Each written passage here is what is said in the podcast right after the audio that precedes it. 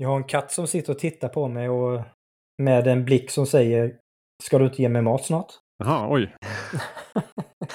jag kanske ska ta en, en snabb tur till köket för att se om det är det hon vill. Gör det. En klassisk springrunda. Ja. Är... I'll be back. Ja,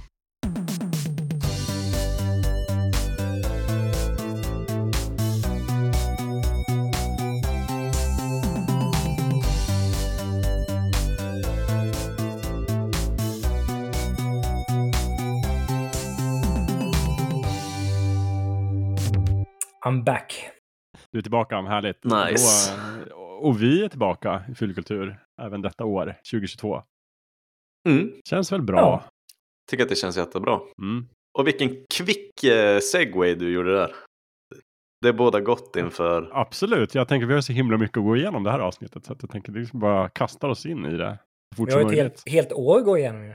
Oh, alltså, jag tycker vi har varit ovanligt bra på att planera året so far, vilket vi, det vill säga vi har inte planerat överhuvudtaget. Men vi har en, en lång lista med ämnen och grejer och idéer och du har börjat skriva körscheman. Du har börjat jobba på, på lite manus, Lövet och, Jajamän.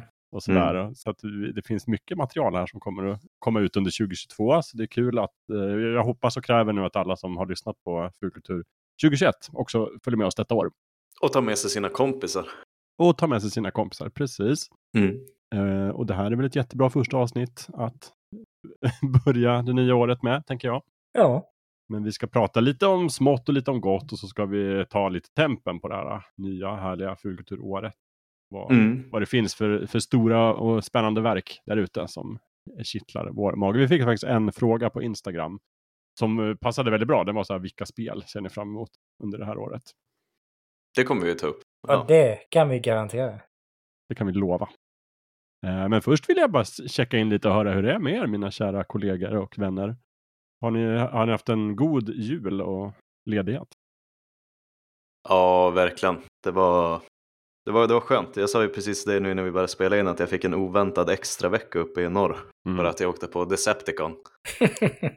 um, men, men det blev det också för att då ska man ju sitta och vara isolerad i sitt tornrum och då kunde jag bara fortsätta läsa böcker och kolla på filmer. Och... Precis. Livet pågick som vanligt på många ja, det var ingen skillnad alls. um, nej men det var det svinhärligt. Jag eh, skvallrade och berättade för er att jag köpte en julklapp åt mig själv där i mellandagarna. En, eh, en läs och skrivplatta. Mm. För jag har ju haft ständig ångest de senaste tio åren över att jag läser färre böcker än vad jag känner att jag borde. Och eh, nu har det tvärvänt. Det kan ju vara ett nyhetens behag och så här. Men eh, jag har läst en herrans massa böcker under mellandagarna. Trevligt. Så, så, när du ställer liksom den, den vanliga frågan vad har du gjort sen sist? Då kommer jag att säga jag har läst böcker. Mm. Um, nej men annars har det varit en, en vit jul. Um, uppe i Norrland. Både dryckesmässigt och uh, utomhusmässigt. Äh, natt, nattsvart på den fronten. det har glaggats. Um, nej, inte så. Inte, så. inte mer än vad som är brukligt. Um, nej, men det, det har varit skönt. Det var verkligen en sån ladda batterierna jul och nyårsledighet. Um, plus, plus corona då. Men uh, nu är jag å andra sidan FHM approved. Och har väl bara den tredje sprutan att se fram emot någon gång i vår. Snyggt. Yes, så jag, jag börjar liksom 2022 med en flygande start känner jag. Ja, mm. låter bra. Uh, du har ju, jag, jag, skulle också ställa sådana här lära känna-frågor, lovar det. Jag har inte kommit på några, men jag, jag ställer den här frågan i alla fall. Du, vilket var det första fulkulturavsnitt som du var med i? Gustav, som jag var du, med. du har varit med väldigt länge. Uh, jag tror att det är så här. 2018 avsnittet vi gjorde om Altered Carbon kan vara det första. Var det din premiär? Och så sen så tror jag att det andra avsnittet var när vi snackade, vi hade, vi hade ju en two-parter på Sagan om ringen, dels böckerna och filmerna. Och jag hakade på avsnittet om filmerna tillsammans med dig, Joakim Benett och Emil Åkered. Säg att Kalle kanske var med också. Men det tror jag var mina två första. Okej. Okay. Uh... Och det var typ 2018. Det känns som så nyss. Det känns som att du varit med längre än så. Men... Eh, jag tror att det var, det var nog där tidigt vintern, våren 2018. Ja, det ser man. Så, det, så, så länge har jag varit med. Ja, okej. Okay. Um, skriver upp det här. Jättebra. Så vad var det, säsong två? Ja, den väldigt ovanligt långa säsong två. Säsong två Ja. är lika lång som alla andra våra säsonger tillsammans. På grund av skäl. Eller säsong ett är väl eh, oerhört lång, men det var för att det tog så lång tid innan vi fattade det där med säsongen. Skit i det. Andreas Eklöf, också välkommen till sändningen. Ja, tack så mycket. Eh, riktig gammal räv i sammanhanget. Först kan du berätta hur du har haft det på julen. Och sen kan du berätta eh, hur länge du har varit med i Fulkultur. Eh, ja, eh, en av så sakerna minns jag i alla fall eftersom det är närtid. Eh, och det var en eh, väldigt trevlig jul. Eh, frånsett slutet på eh, året då jag åkte på vad jag inte vet var Omicron Decepticon men kan ha varit. Eh, för jag var sjuk eh, från mellandagarna till eh, början av januari. Eh, och eh, eh, ha, har fortfarande haft eh, ont i halsen eh, ända fram tills typ nu. Eh, Så det var en extra segdragen eh, sjukdomsperiod. Men fördelen är att jag kunde blåsa igenom en hel del serier med eh, mor och far. Eh, För jag håller på och eh, vi har ju i processen av att köpa ett hus Eh, som eh, ska slutföras här framåt våren. Eh, Och, eh, och då delar vi en lägenhet under tiden eh, fram tills vi har köpt eh, huset. Eh, Så, och då är det ju dags, eh, då är det ju läge för oss att titta på serier tillsammans så vi delar på en tv. Eh, Så då har jag dragit igenom några eh, favoritserier och serier jag inte tittar på men som jag läst eh, mycket gott om. Eh, Och eh, det inkluderar Dopesick, eh, som jag eh, blev tipsad av eh, Kalle, vår vän Kalle. Eh, Och eh, Afterlife säsong 1 och 2 inför eh, att trean skulle släppas nu, vilket gjorde nyligen. Och även har, har vi börjat titta igenom Ozark. För säsong 4 släpps ju snart. Så har vi börjat titta på säsong 1 till 3 och är inne på säsong Mm. 2 just nu. Och Afterlife säsong 3, eh, det vill jag särskilt lyfta fram som att eh, Ricky Gervais, han är ju en, han är en mästare på komedi, men med den serien visar han också att han kan lyfta fram liksom, sorgebearbetning och väva in det med komedi på ett sätt som, som gör eh, det är ett vackert budskap, men fler kan ta till sig det än om det bara varit en eh, tårfylld eh, dramaserie med eh, ganska få feelgood-ögonblick så den, eh, den är fantastiskt bra. Eh, och alla tre säsongerna finns ute nu, så eh, den råder jag en och alla att eh, titta på. Den är jättebra. Nice. Mm. Netflix va? Netflix, yes. Mm. Netflix exclusive. Precis. Men kan man säga, du utbildar dina föräldrar lite grann i liksom Fulkultur? Ja, ja. Kan man och säga jag har då, fått inför? eh, två tummar upp av dem för mina eh, serieval. eh, och eh, när jag gjorde min premiär i... Eh, jag har ju varit med, jag- var inte med i första avsnittet vet jag. Men jag var med ganska tidigt. Eh, känner att jag, här får jag ju chansa ganska, ganska vilt. Eh, för jag, jag, jag vill minnas att jag var inte med i de första om det var en handfull avsnitt eh, där eh, 2018. Eller 2016 till och med. Mm. Eh, kan det ha varit virtuell verklighet? Ja, kanske. Det, För jag, jag för mig, vi, vi startade ju den här eh, VR-geeks-sajten. Där någonstans. Och det är inte omöjligt att jag gjorde premiär med det. Nej, men vi, vi kan väl säga det helt enkelt. Om det var om vi, avsnittet om, om virtuell verklighet, i så fall så var det ju det fjärde avsnittet som vi gjorde. Ah, okej. Och då var det 20 januari 2016. Så det är en bra bit. Ja, det är ju ganska länge, Mm. kan man ju tycka. Hur fulkulturellt var det, knöt ni an då till hur VR hade framställts i science fiction-filmer och verk innan? Oh ja, oh ja. Snyggt. Pratade La- Lawnmower Man och allt möjligt. Varför fråga ens? Varför frågar ens? Jag kommer inte ens ihåg det avsnittet. Jag tror kanske inte jag var med i det. Men, eh, men jag var däremot med i det första som vi gjorde överhuvudtaget. Och det var ju 25 november 2015 har vi sagt. Oho. Jag och Jocke Bennett och Kalle FZ som haltade oss fram i ett avsnitt om postapokalypsen. Ja, just det. Mm. Det var spännande, vad kul. Lite sådär trevande. Pratade vi inte om AI ganska tidigt också? Och sen var det AI, eh, avsnitt nummer två. Mhm. Och sen var det ett Stjärnornas krig-avsnitt i avsnitt tre. Då tänkte vi att nu måste vi bli lite publikfriande. Ah, Och sen var det virtuell verklighet. nischat igen. Mm, ja, men jag, jag har märkt att det första avsnittet av poddar som har hållit på länge eh, ofta är antingen det sämsta eller bästa avsnittet. ja, precis. Det här var väl det bästa. Då.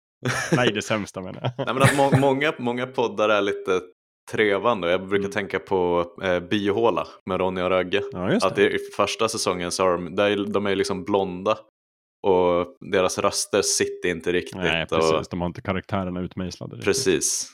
Ja, Ehm. men så där är det ju med allting. Man pratar ju om, det heter ju early installment weirdness. Att saker är lite konstiga, liksom första Ja. avsnittet och piloten och ibland hela första säsongen. Men Man nu vill ska jag säga, jag har faktiskt lite. inte, ja men precis, men jag, Ja. nu har jag inte lyssnat på första avsnittet av Fullkultur faktiskt. Så jag måste tillbaka och göra min Ja, research. det, det är nog inte många jag. som har, men är, man, går ju, man kan ju gräva faktiskt RSS-flödet bara bakåt Mm. och så till slut så hittar man ju det. Idag, det- det här är ju avsnitt 141 till exempel, sedan starten.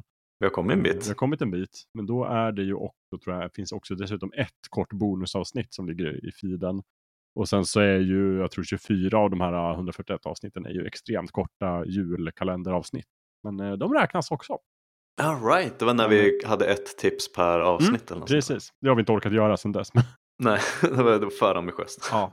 Eh, Men däremot så, jag tror inte jag har räknat ut hur många timmar fulkultur det finns totalt. Men det skulle man kunna göra någon gång. När man har, när man har lust och tid. Om vi säger så här, ända sedan jag kom in i mixen så vet jag att om det är 141 avsnitt så är det mer än 141 timmar material. De blev längre när du, när du började dyka upp i studion. Två timmar och 40 minuters avsnitt dess. Ja, exakt. Gud ja. Just det. Eh, jag kom på en sak till. Eh, förutom det jag tittar på med föräldrarna så jag såklart såklart The Expanse säsong 6. Ja, vem har inte det? Åh, det är så bra. Nice, det kommer vi att snacka om. Ja, Mm. oh, ja. Precis. Jag kan ju säga det att vi har ju, planen är att köra åtminstone 12 nya avsnitt eh, det här året, en gång i månaden, men dessutom ett försvarlig mängd extra avsnitt. Så att Mm. eh, det, vi kommer väl liksom lägga på tiden även under 2022. Mm. Oh ja. Men eh, har man oss i, prenumererar på oss i poddappen så kommer det bara dyka upp ungefär en gång i månaden och lite oftare. Så det inte vara några problem. Och det här avsnittet blir ju lite en... ehm, jag upptäckte ju det nu när vi gick igenom eh, 2021. Så- För då lyssnade jag ju på vårt 20 avsnittet vi gjorde för prick ett år sedan. Mm, precis. För att kolla vad vi trodde om året som, som skulle komma. Mm. Ehm, och det, det här förhoppningsvis blir samma typ av måttstock. Hur, hur rätt eller fel eller hur, hur tänkte vi nu liksom? Mm, precis. eh, om ett år när vi sammanfattar. Så, så det, det är kul, det var lite sånt avsnitt att bokmärka. Jag tror det är det jag menar. Mm, precis, inte minst för oss själva då, att vi måste lyssna om det igen sen i, Ja, i december exakt. innan vi Mm. gör eh, årets sista avsnitt. Precis. Ehm, och så sen så skulle jag också säga att det, det blir lite både, vi, vi måste ju räkna ikapp nu vad som har hänt sedan det senaste avsnittet så att vi inte missar den här konstiga perioden mellan jul fram till nu där det faktiskt släpps en jävla massa fulkulturella verk. Mm. Och sen Mm, ska vi också kolla framåt på 2022. Precis. Det blir en to, tvådelat Ja, igen. det blir det. avsnitt. Precis. Och vi har ju som tradition att i början av avsnittet brukar vi gå igenom vad vi har gjort sen sist. Så där Ja. tänker jag också, vi vidgar det fokuset bara lite och sen så finns det utrymme för att ta upp de här liksom kanske stora verken som vi förmodligen har sett. Mm. Men som, som ändå måste lyftas upp. Du har redan dragit några grejer som du har hunnit göra. Eh, Lövet, kollat lite Mm. på tv, mycket bra. Eh, bra tips också. Jag, jag har länge tänkt att jag ska kolla på den där Afterlife. Men eh, nej, inte hunnit med än. Har du sett eh, något särskilt eh, i ditt torn då? Som du har gjort sist? Har du bara läst böcker? Ja, precis. Eh, nej, men jag kanske borde börja där och säga att, eh, lite kort om min bokkarriär nu. Mm. Att, för, för det får vi inte så mycket av i fullkultur. Nej, jag tänkte att lite. 2022 nu, du blev ju så glad Ja, när jag så sa att jag började läsa böcker. För då kan vi... ehm, så 2022 kanske blir året när, när, när det skrivna ordet dyker upp Mm, lite oftare. Absolut. Vi ska ha minst ett bokavsnitt. Det säger jag här och nu. Och lovar. Ja, det kan, Ja. kan vi lova. Just det. Högtidligt. Japp. Ehm, så först måste jag bara säga, om ni trodde att DRM var ett eh, gissel i spelbranschen, holy shit, då, då har ni inte va- varit i e-boksbranschen. det är- Nej. det är hemskt. Ja, det är hemskt. Ehm, för att den här plattan som jag köpte nu, det är en norsk platta, Remarkable. Mm, just Det det, finns som jag gör så mycket andra- reklam för på sociala medier. Det finns Ja. många andra bra plattor också. Åh, de har en Mm. jättesexig produktvideo. Jag tror jag blev helt uh, fängslad av den. De säljer in det bra. Ehm, Men enda problemet är att det finns ett öppet, väldigt vanligt format för e-böcker som heter .epub. Ehm, och eh, det går att läsa med i princip alla plattor. Sen så finns också e-böcker i Kindle-format. Amazon Kindle är ett stängt system. Eh, så du köper liksom böcker till din Kindle men du är låst till det. Ehm, och så finns det e-pub med typ Adobe DRM-skydd på. Eh, och den här plattan kan inte läsa e-böcker med DRM. Mhm. Så då satt jag där, för mitt första idé var att åh, jag ska köpa alla Witcher-böcker nu som e-böcker. Och blev stoppad direkt. Mm. Men då kom internet till undsättning för det finns det här fantastiska projekt Gutenberg. Känner ni Just till det? Ja. Mm, mm. Sen typ 1971 så är det så, eh, open source, en community som bara hjälps åt för att bygga ett gigantiskt bibliotek av böcker från den publika domänen på internet för alla att ladda ner. Eh, och det mesta därifrån är ju såklart från ja, men sekelskiftet och tidigare, så alla gamla klassiker finns ju där. Dracula, Frankenstein, Sherlock Holmes etc. etc. Ehm, så Påbyggnat på det finns en hemsida som heter Standard E-books som tar ett steg längre. De tar böcker från projekt Gutenberg och ser till att de eh, liksom typografin är top notch och eh, liksom all- allting. Så jag laddade ner en massa böcker därifrån istället. Eh, och jag rabblade upp, jag har läst eh, Prinsen av Machiavelli. Du vet Mm. den, och älskad eller hatad är det bättre att, eller fruktad så är det Just det. Bättre att vara fruktad. En salig blandning, jag läser kommunistiska manifestet också. Eh, Men framförallt en massa Sherlock Holmes. Och där måste jag säga, om det är en slutsats jag har dragit av att läsa fem eller sex Sherlock Holmes-böcker nu, är att eh, shit vad bra Robert Downey Jr är i Guy Ritchie-filmerna. Han gör en, han gör en toppen Sherlock utifrån källmaterialet. Väldigt trogen tolkning. Verkligen, och det trodde jag inte. Jag trodde att han gjorde en lite så eh, modern tolkning av Sherlock. Ja, Men Lite uppstudsig sådär, men det är väldigt mycket så han är i böckerna. ja, alltså eh, jag skulle säga att Robert Downey Jr.s Sherlock är mycket närmare böckerna än vad typ Benedict Cumberbatch är. Mm. Eh, så det var, det var en kul insikt. Eh, sen är ju böckerna faktiskt väldigt, väldigt bra. Speciellt eh, The Hound of the Baskervilles läste jag precis. Eh, som klassisk Mm. Sherlock-mysterium. Um, ja, men jag gillar dem. Väldigt mycket. Eh, sen läste jag också nu precis eh, The Sun Also Rises. Alltså Ernest Hemingways eh, debut, debutroman, Just novell. När de är i, i Spanien och kollar på tjurfäktning och åker runt och bara dricker sprit och är otrogna i samma kompisgäng och sånt där. Mycket, mycket mysig, mycket mysig. Ehm, men ja, En eh, nyfin- nyfikenhetsfråga. Har du köpt eh, e-böcker och eh, serietidningar eh, digitalt via, eh, vad heter de nu? De, de där som paketerbjudanden digitalt. ja just det, Humble Bundle. Humble Bundle, precis. Ja, det var det första jag gjorde när jag blev varse den här DRM-katastrofen. Mm, jag Finns kan det tänka någon mig det. bundle på Humble Bundle nu? Just det. Um, jag gjorde det inte, eller inte någonting som intresserade mig just då. Men det, jag har satt en liten sån, det plingar till ifall någonting dyker upp. Mm. Ja, för jag, jag har hundratals, eh, eller jag serietidningar mestadels, men lite e-böcker också. Men jag har ju Mm. ingen e-boksläsare utan jag har min, min, min gamla iPad. Ja, ja, ja. Det blir ju inte riktigt att man läser på samma sätt på den, så jag har också haft funderingar på att införskaffa en e-boksläsare. Ja, men för det är just det att det är en sån elektronisk bläck.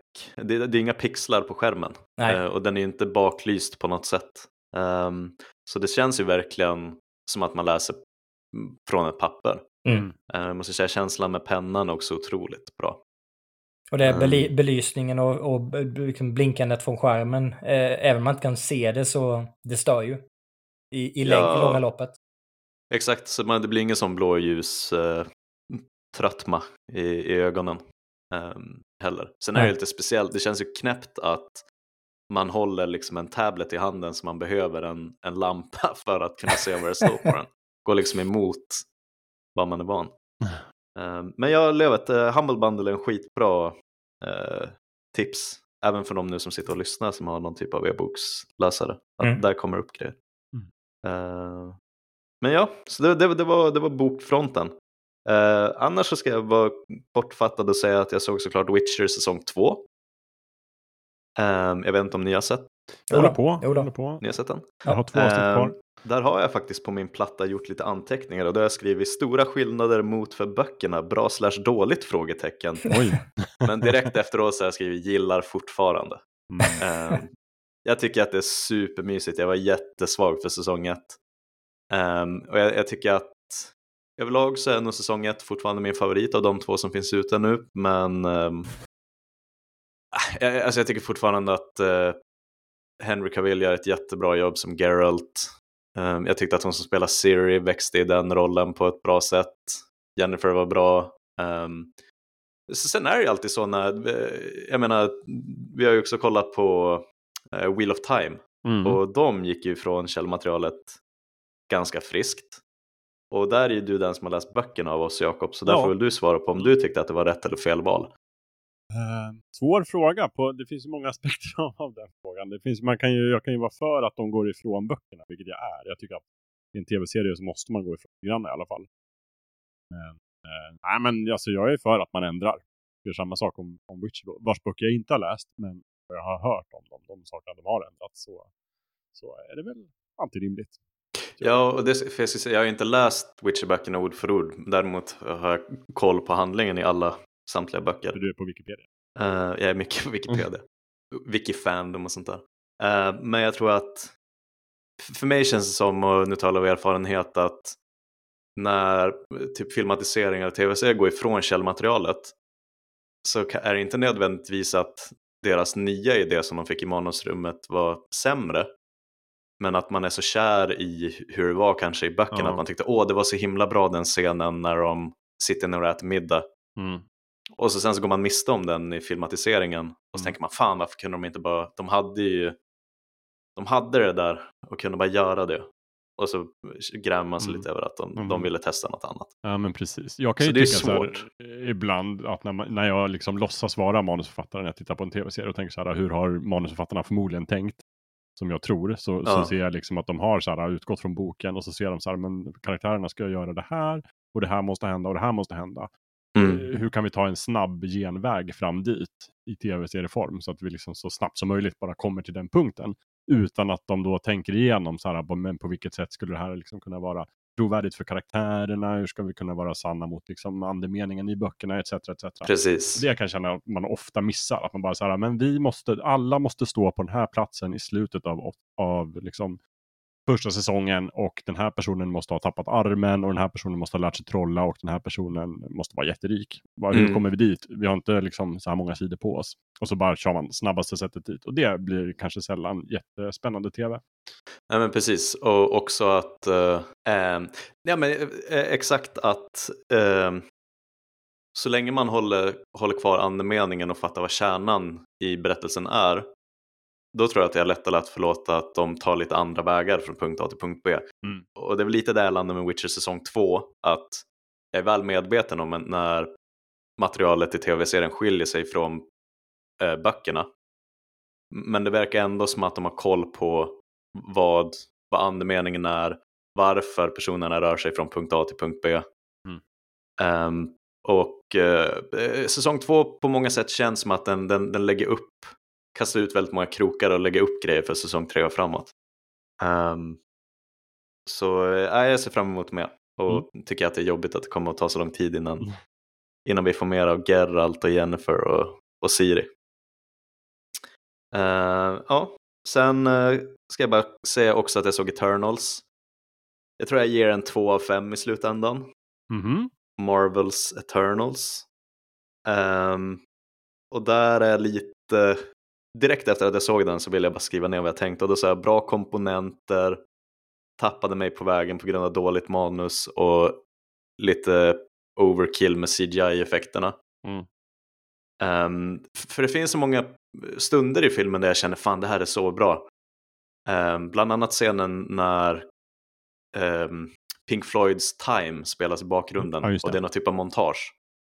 Eh, Det tyckte jag var mwah. Och ja, där, där funkade allt. Men när filmen var klar så är jag så här, ja, jag vet inte om jag brydde mig så mycket om någon av dem där egentligen. Mm, nej.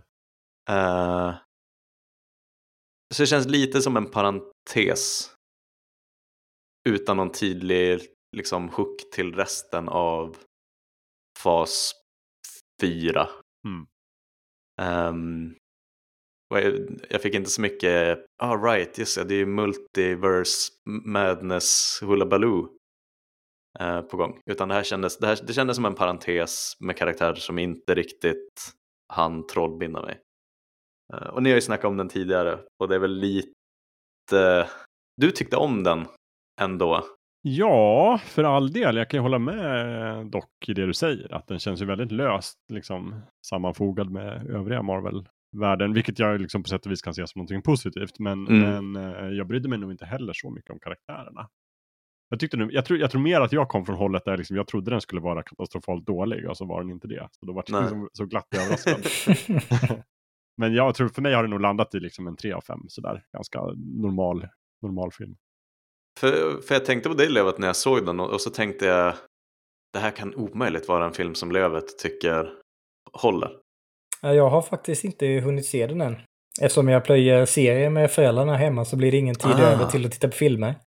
Eh, Så att den är fortfarande på att göra-listan. Mm. Right.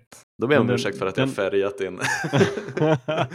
kanske kommer tvärtom, man kanske kommer älska den bara i trots. Eh, Men eh, den är ju ute på Disney Plus nu så man kan ju titta på den nästan när som helst. Mm, Ja. Jag får göra det när föräldrarna Mm. gått och lagt sig. Precis. Släpp allt annat, kasta det och titta på Marvels måste veta om det här Så är en vi ny vet, vi vän. behöver ett sifferbetyg till, till nästa avsnitt. Jag tror inte den kan bli en ny vän faktiskt. Eh, ehm, ja, sen har jag två andra grejer på listan men det kommer ni att ta upp. Så jag lämnar vidare facklan till Lövet tänkte jag. Eh, ja, alltså saker som har släppts i år som, jag redan, som redan är släppt, som jag har plöjt igenom, är ju Cobra Kai S4, säsong 4. Eh, eh, Ka- Karate Kid-serien som, eh, som började sin bana som en YouTube Original-serie. Den sen köptes över till Netflix. Eh, och eh, eh, den, den, är, den fortsätter den, den, goda, den goda stilen från de tidigare säsongerna. Det är charmigt skådespeleri, eh, kanske inte världens djupaste skrivna manus, men väldigt charmigt manus också. Eh, så alla som växte upp med eh, Karate Kid på något sätt och har någon form av nostalgi till den så tycker jag att den här den spelar an på det eh, jätte, jättebra. Och fokus i den här säsongen, jag vet inte om jag vet inte om det är en spoiler i och med att man kan se det på eh, omslaget. Men eh, det är ju eh, han, eh, den här eh, tränaren Terry Silver som jag för mig dyker väl upp i Karate Kid 3? 2 eller 3? Ja, Är det Tre. den med Jaden Smith i Kina? Nej, nej, nej. Nej, Nej, nej, nej. Usch, nej. Ja, men det är trean eh, Ja, han dyker upp.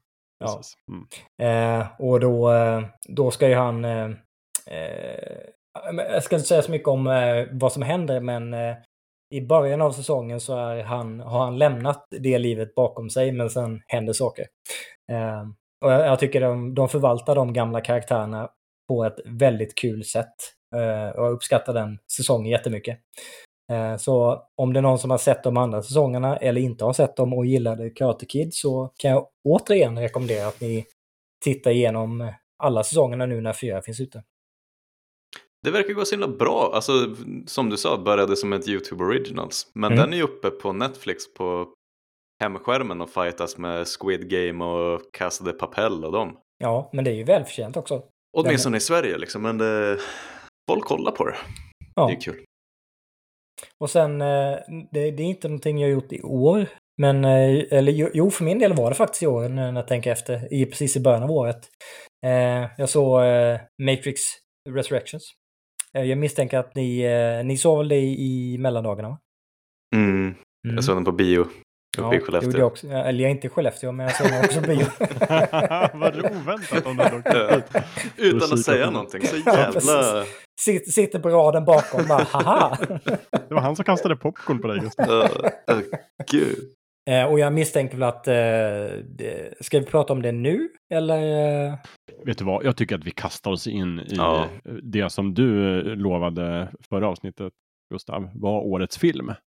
Ja, Nämligen Matrix. Resurrections. Ja. Och det är bara så här, jag är så fascinerad över den. Även om jag inte hade sett den så hade jag varit fascinerad bara över hur otroligt blandat mottagande den har fått. Jag har verkligen sett hyllningar och totala sågningar. Och Mm. i biomässigt har den väl floppat, tror jag, om jag läser siffrorna rätt. Ehm, Eller den drog väl in försvarlig mängd pengar, men den har väl inte gått plus? Eller den har inte blivit en supersuccé? Är det så det, man kan förstå det? Men det var ju också en sån eh, 50-50 deal att den kommer att komma till streaming. Just det, precis. Ganska det är väldigt snabbt svårt, och- liksom, svårt att veta något egentligen om vad som Mm. är en framgångsrik film. Sen får man ju aldrig, alltså Hollywood accounting, så du får ju aldrig reda på ifall det gick bra eller okej, dåligt. Men några var besvikna i alla fall. Det kan, så, ja, snällt. Så kan vi säga. Ja. Det, det, Eh, det som var så fascinerande var att eh, jag hade ju läst väldigt blandade recensioner i media. Eh, vilken populärmedia. Och sen bland sen nördbekanta, då, eh, alltså inte ni utan andra nördbekanta, som verkligen Ah. toksågade den. Jag tänkte så här, okej men det här måste vara jättedålig. Mm. Och sen när ni hade sett den så skrev ni väldigt positivt om den. Så jag var Ja. så här, nu- jag har verkligen ingen aning om hur, hur jag ska tolka det här. Så jag får, jag jag, får, jag får gå in i den här filmen med helt öppet sinne, för Ja. det kan verkligen, verkligen vara precis vad som helst. Det var ju ett bra tips du gav mig Gustav, att försöka ha så öppna jävla sinne som möjligt. När Ja. ser den. Och det hade jag, det var verkligen toköppet. Ja, jag, jag älskade den, jag tyckte den var väldigt, väldigt fin. Jag hade väldigt trevligt. Ja, så jag måste ändå säga det att min prediction var att det skulle bli årets bästa film och jag fick ändå rätt för att för mig blev det 2021 års bästa film. Ja. Ehm, Även om konsensus kanske inte är det. Men, men hur kände du då Lövet, när du hade sett den? Var det, var det bra eller dålig? Jag hamnar någonstans mittemellan faktiskt. Eh, mittemell- alltså jag, jag tycker den är bra, men inte fantastisk. Eh, och när, när, under första halvan tänkte jag, kändes det nästan som att det var en remake på första filmen eftersom de gjorde så många referenser till scener och eh, aspekter från första filmen. Eh, men, men när jag sett, sett hela filmen så kändes det lite som The Force Awakens. I att de liksom, de bygger vidare på och är ganska lik en originalfilm, men gör ändå nya saker och bygger upp en bra grundplattform för en ny trilogi om det nu skulle bli det. Eh, sen så tycker jag inte att de, de lyckas inte riktigt knyta ihop säcken på ett superintressant sätt. Eh, jag, jag gillar konceptet de utforskar, eh, som, som många andra har gnällt på. Jag, jag gillar konceptet jättemycket eh, och, och gick precis som Gurra rekommenderade in med ett öppet sinne runt det här. Och inte försöka jämföra för mycket med liksom, hur viktig den första filmen är, för det, det kan den aldrig konkurrera med. Eh, och då, då uppskattade jag det ganska mycket, men sen när det väl kom till slutet så ah, det, det saknades det där lilla extra för att jag skulle gå ifrån filmen med den här känslan av shit vilken upplevelse jag har precis eh, varit med om. Ehm, och eh, jag tyckte de, de utforskade inte så många intressanta tankeställningar som, eh, som framförallt första filmen gjorde. Ehm, det var lite mer rakt pang på rödbetan. Eh, Mm. Vilket kanske inte är jättefel, men det blir ju inte lika intressant upplevelse heller när det är, när det är lite mer strömlinjeformat. Så, ändå, men ändå positivt. Jag hade förväntat mig en jättedålig film och jag blev positivt överraskad. Så inte årets film, men en överraskande bra film i alla fall. Nu har vi faktiskt, vi, har, vi ska hålla oss från att spoila för mycket för den har ju släpptes ju Mm, precis. mm. Eh, men det vi kan säga och, och det som syns väldigt tydligt i trailers är att den är väldigt eh, meta liksom. Eh, och får jag bara berätta en, en, liten, en liten detalj, min favoritdetalj om hur meta det är. Eh, det finns en karaktär i filmen som heter Chad. Eh, och det första man tänker när man hör att han heter Chad, Chad är liksom, ah, det, det är klart att den karaktären heter Chad. Liksom, douche, douchebag-namnet. Men det är nu det blir kul. För er som har sett filmen speciellt. Eh, han heter Chad i verkligheten. Och det är Ja. inte vilken Chad som helst, utan det är han som är regissören för John Wick-filmerna, Just det. Chad Stalinski. Och han spelade, han var Keanu Reeves stunt double i första Matrix-filmen. Det är väldigt meta. Det om någonting är meta som fan. Ja, Och det är liksom på den nivån som filmen rör sig. Vilket Ja, det håller liksom en sån Ja. hög metanivå. Och jag förstår också kanske varför ja, alltid detta metandet eh, liksom gör folk lite arga. För att det kanske inte var det de hade förväntat sig. För min del kan jag bara säga att det faller liksom helt rätt jord. Jag älskar när, när saker blir så meta. Eh, Ja. Jag, jag bara köpte det med hull och hår. Ja, men jag tyckte att det var skitbra. Sen har jag en otroligt invecklad teori som jag inte ska ta upp nu om eh, att eh, jag tror att filmen har fått lite kritik, kanske speciellt i USA, av, plocka lite ur samma kritikkälla som har gjort att USA inte tycker om filmen Don't Look Up lika mycket som Mm. europeer gör. Men det är alldeles för... Jag måste fila på den teorin och återkomma om ett, om ett par fulkulturavsnitt. Ja, det låter bra. Eh, Men, men för mig så föll också det här metaperspektivet blandat med satir jätteväl.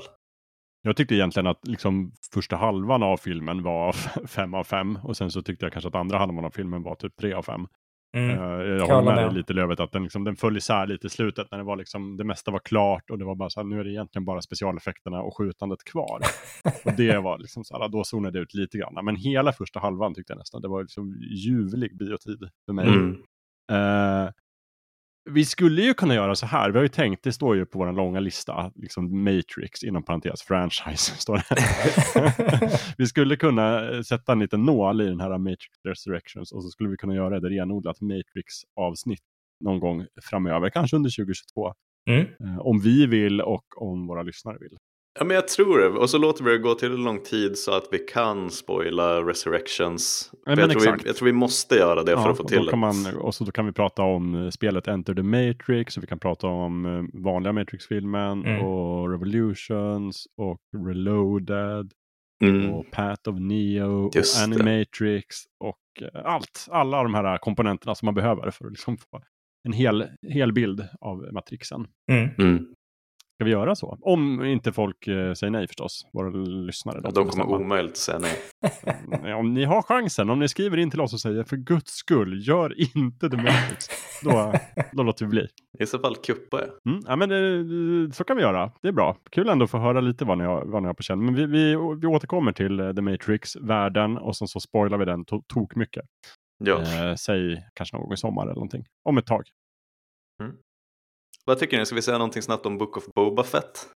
Ja, skulle vi kunna göra. Eh, inga spoilers för jag väntar till säsongen är ute.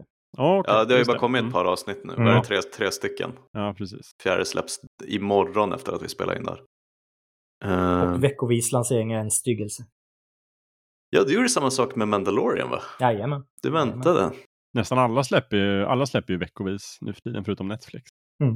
Och Gustav och Lövet väntar på allt. Det var därför jag nyss såg The Expanse i säsong 6. Ja, just det. Tålamod, tålamod är ju tyvärr en dygd.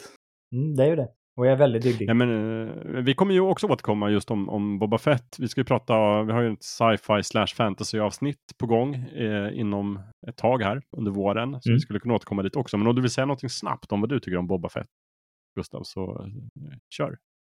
Eh, jag tror jag skrev till er tidigare att jag tyckte att det var habil utfyllnad inför Mandalorian säsong Mm. 3.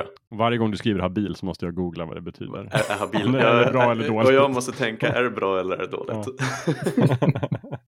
Ehm, nej men, Inte eh, labil. inte labil, precis. Precis. Det är det man Labil ihop. dålig, habil bra. Mm. Habil är bra. Jag menar, och det är så dumt, för habil betyder i princip stabil. Ja. så Exakt. säg bara stabil. Mm. Ehm, Habil, kompetent, duglig. ja men det är det. Sta- st- kompetent, duglig, utfyllnad inför mera Mandalorian. Som Ja. är det vi egentligen ser fram emot, tror jag. Okej. Mm. Lite så känner jag. Ja. Eh, nej, men bara kul att få följa lite mera slice of life stories i Star Mm. Wars-universat. Liksom. Eh, Jag, jag älskar den.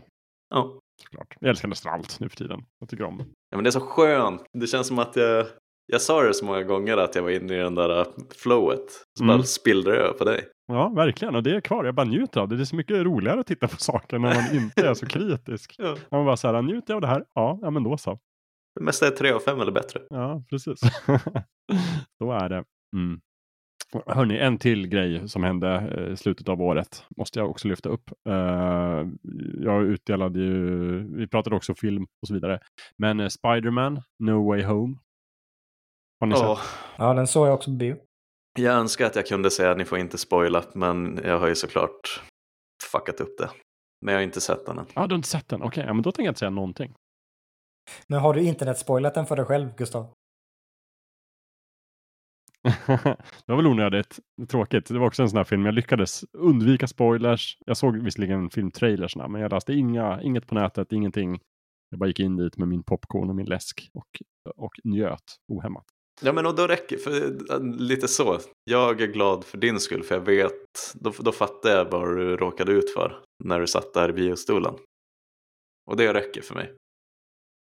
Men vi kan, eh, vi kan sätta en pin i den också, för vi kommer återkomma till Marvel. Nämligen kan vi ut, ut lova gud, det- det här avsnittet. Det är ett oundvikligt avsnitt. Jag har gjort så här det här året, att jag planerar till att vi ska ha ett eh, MCU-avsnitt per år. Och då kör vi liksom ett enda och då samlar vi ihop liksom de Marvel-grejerna som har varit sedan dess. så blir det inte bara Marvel liksom i alla avsnitt. Nej men precis. Att det rullar ju några Marvel-serier och filmer på gång nu. Liksom så. Men jag tänkte att framåt maj någon gång där, då kan vi köra sån här State of the Union-uppdatering. Hur ligger vi till i liksom faserna? Men det du däremot kan säga redan nu Jakob är ju ditt sifferbetyg för det var nästan oförskämt högt. På Spindelmannen? Ja, Ja, vad sa jag? Sa jag inte 5 av 5? du sa 6 av 5. Sa jag 6 av 5? Ja. Så jävla rätt av mig ändå. Ja. Jag står för det. Jag står för det. Nej, men alltså, det beror också på, alltså, jag är ju emot egentligen sifferbetyg, men det Men måste när du väl gör det, man måste ju tar du baka in vad det liksom ger den och kontexten. Och jag tror att var, jag, jag sa jag inte typ så här 6 av 5 som en Spiderman-film eller liksom den mest Mm. Spidermaniga filmen någonsin. Någonting sånt där, jag vet inte. Eller så var det bara ett, ett utslag av hur roligt jag hade i bion. Ja, Ja, jag, och då står jag för det, 6 av 5, fast det är omöjligt. ja. Ja, det blev fyra av fem för min del. Alltså, ja, Ja. Ja. Jag tyckte det... Också ett rimligt betyg. Ja, jo. Nej, jag tyckte att det, den där comic relief-ögonblicken var alldeles för många, vilket är lite väl vanligt i Just det, Marvel-filmer du nu gillar ju inte att dra på munnen i onödan. Nej, nej, nej. Här ska det inte skrattas någonting. Scrooge. Ska det vara allvarligt som Venom. Ja, och sen... Eh, ja, nej, det ska inte säga någonting om. Men, eh, men jag gillar den väldigt mycket. För allt annat utom just det tyckte jag var fantastiskt bra. Men om vi säger så här Lövet, om eh, Tor Ragnarök var den mest lolliga Marvel-filmen när det begav sig, var placerar sig No Way Home då? Alltså, Tor Ragnarök är ju väldigt lollig. Men den gör det på ett bättre sätt än vad No Ah, Way Home gör. okej, okej. Eh, Det är inte bara kvantitet utan det är hur de gör det också. Eh, Men du är ju också Taika fanboy av Guds nåde. Ja, men alltså, hans, hans humor landar väldigt bra skulle jag säga. Mm. Ehm, i, I Ragnarök, det, fi, fi, ja, även då när jag såg den på bio så tyckte jag att den var lite väl humortung. Men jag skrattade åt skämten där. Och medan i No Way Home när Comic Relief-karaktärer skulle göra sina skits, då är jag ah, okej, ja, ja. Mm, men jag, jag har fattat att du är Comic Relief-karaktär, men kan du tagga ner lite nu, snälla? Sa du det? Eh, ja, jag sa det i mitt huvud. ja, alltså, så dålig bioetikett om du bara hade basunerat ut. Jag skriker bara tagga ner nu för Eh. helvete. Gubbhjärnan gick på högvarv. Sitter och hytter med näven. Men när ska du se den då, Gustav? Jag ska se den tyvärr när den kommer till Disney+. Plus. Ja, just det. Det verkar ju dra, ta ut lite på tiden nu då, här, Ja. ja. den har gått så bra på bio. Men då så, men det, då tycker jag vi lämnar Spindelmannen också. Jag måste säga två saker till. Ja, Men vi, vi har fortfarande inte kommit in på det här året. Kalle FZ. Jag brukar kalla honom FZ Kalle. Han jobbar inte på FZ längre. Men våran kompis Kalle. Mm. Fan vad jag blir provocerad av honom ibland. Kommer ni ihåg vad han sa i Slack? Han sa, att, han sa att Emily in Paris var Ted Lasso med mer färggrana kläder. Ja, det var fult sagt av honom. Och då vart jag så jävla arg. Jag tror jag kunde logga ut och stänga av datorn och gå och lägga mig. Oj, oj, oj, oj. Men eh, så, nu har jag fått ur med det. En jävla provokatör. Åh. Jag har inte sett någon av serierna så jag kan inte riktigt uttala mig om hur fel det är. jag läste en tråd på Reddit om despot, despotism, alltså Jaha. svågerpolitik Ja. i Hollywood.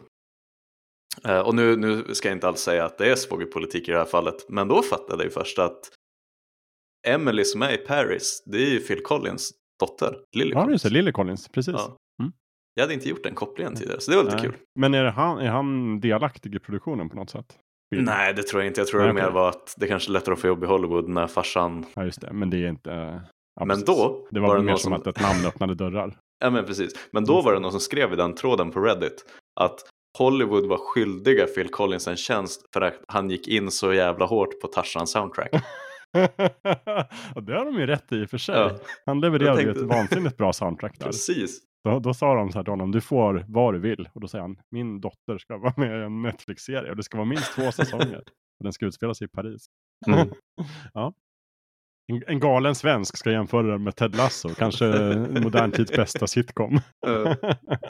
Ja, så var det.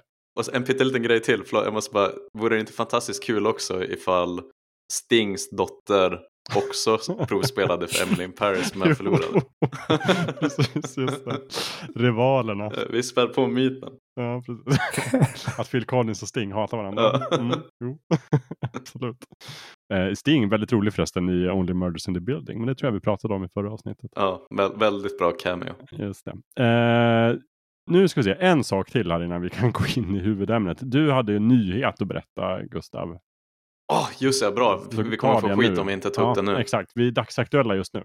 Ja, eh, exakt. Lägg ut, lägg ut. Mm. Idag så exploderade bomben att Microsoft planerar att köpa eh, skandalomsusade Activision Blizzard. Ni vet de som gör Candy Crush, och World of Warcraft och Call of Duty. För, håll i hatten nu, 68 miljarder dollar. det är mycket det. Det är sådana sinnessjuka monopolmängder av pengar alltså. Vad är det de brukar skriva i svenska tidningar nu? 600 miljarder kronor. Ja, exakt. Ja, alltså, jag tror Sveriges BNP på typ 585 miljarder. Ja. Det är Eller mycket inte. pengar helt Ja. enkelt. Ja. Svin mycket pengar. Bara som, eh, så att man får någon sorts referens. Ehm, Minecraft, Mojang, såldes ju för typ 2,4 miljarder dollar. Eh, jag tror Marvel såldes i Disney när det begav sig för 4 miljarder. Ja, precis. Och de köpte Lucasfilm också, alltså hela Star Wars, också 4 miljarder. Exakt. Det Eh, är jag tror- småpotatis jämfört med detta. Små, små potatis. I spelbranschen så slogs ett nytt rekord bara för ett par veckor sedan när Take-Two Interactive, de som, alltså Rockstar, Rock, deras ägare, Mm. eh, de köpte Zynga, som ni säkert Ja, minns det. När alla spelade Farmville på Facebook. Mm.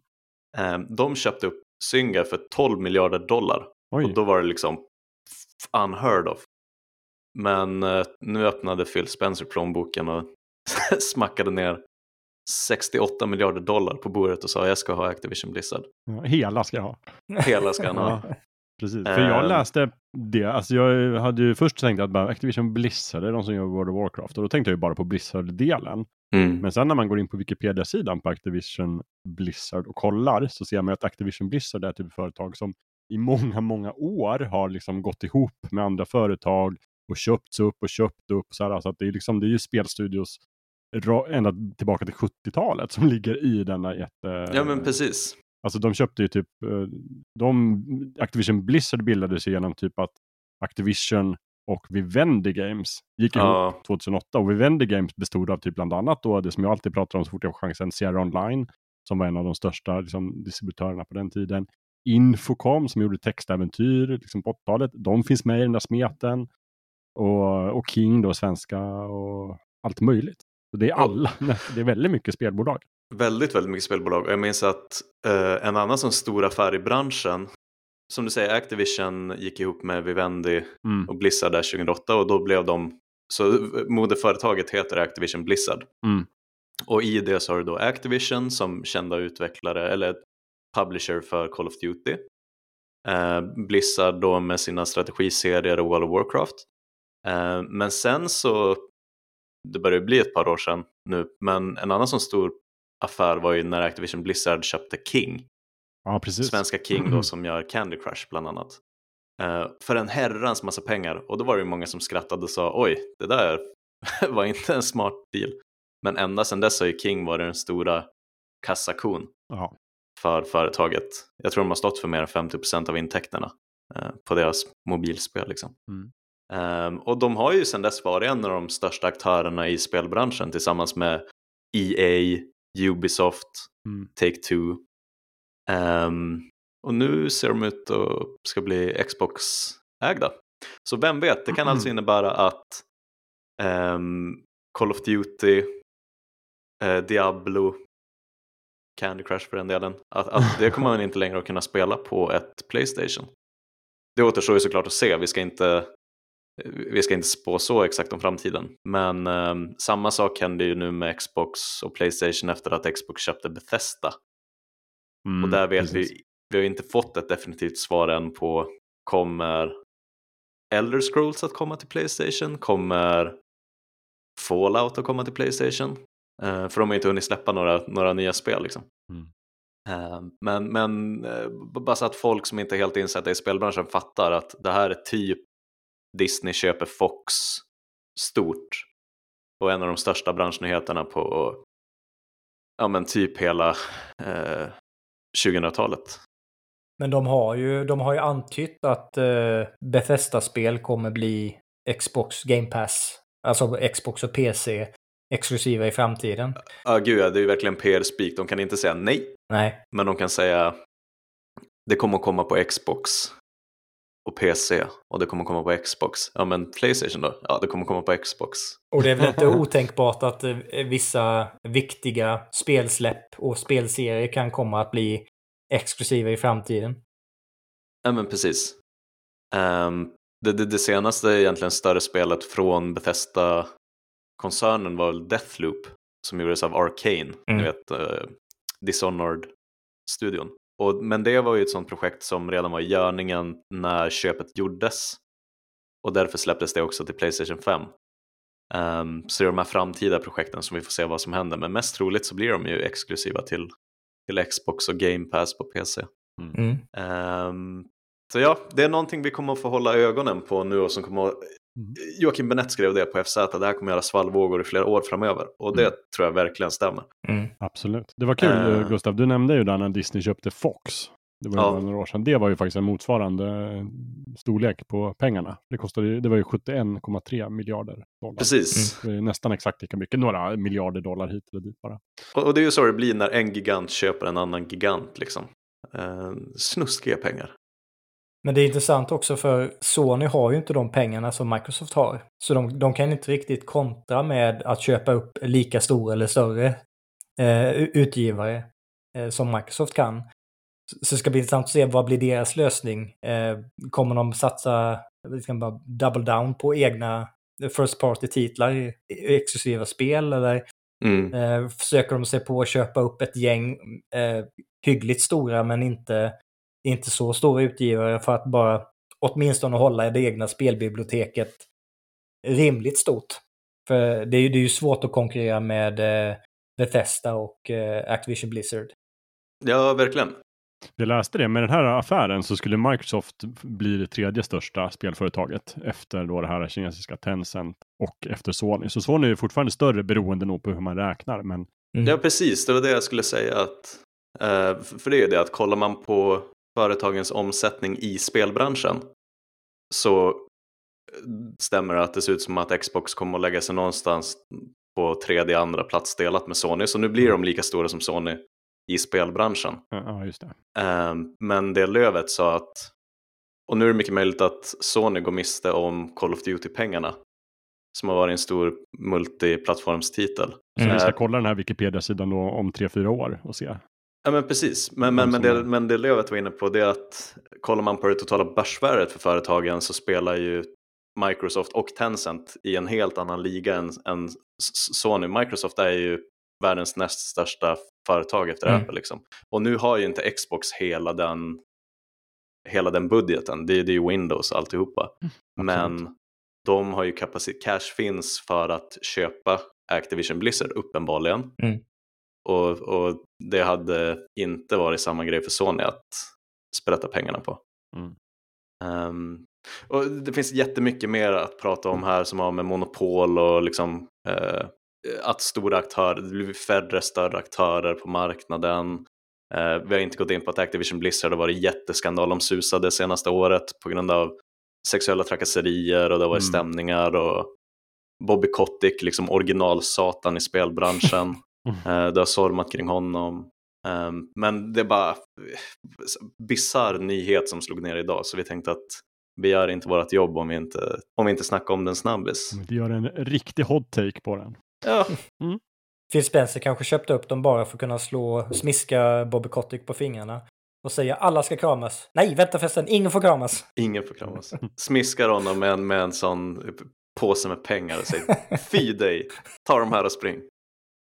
Nej, spännande. Vi är ju ingen renodlad spelpodd på det sättet, men däremot pratar vi ju väldigt mycket om spel Mm. och återkommer, Mm. så att vi kanske får återkomma även till denna stora intressanta fråga. Ja, men just för att det kan få praktiska effekter för spelen vi spelar och var vi spelar dem. Ja.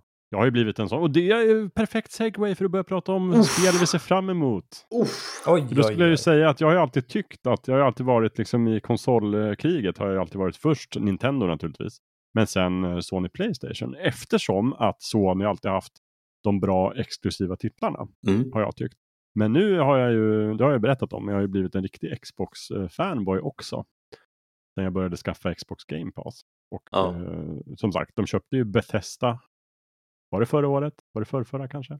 Det var nog förra året tror jag. Ja, det var nog förra året. Och nu då denna jättedeal så att de kommer ju ha enormt mycket content. Mm. Nej, det var nog för förra året. Det var nog Var för förra. förra året? tiden, det går så fort när det är pandemiår. Åh, herregud. För jag jobbade på Geeks när de gjorde det och eh, jobbade inte på Geeks året.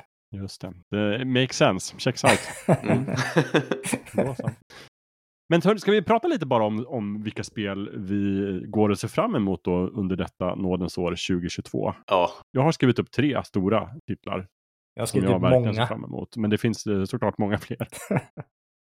det, det finns åtminstone 50 titlar värda att prata om. Vi kommer Mm. inte att snacka om allihopa, men, men bara preface. Vilket fantastiskt spelår det kan bli. Mhm. Eh, jag får sådana 2007-vibbar.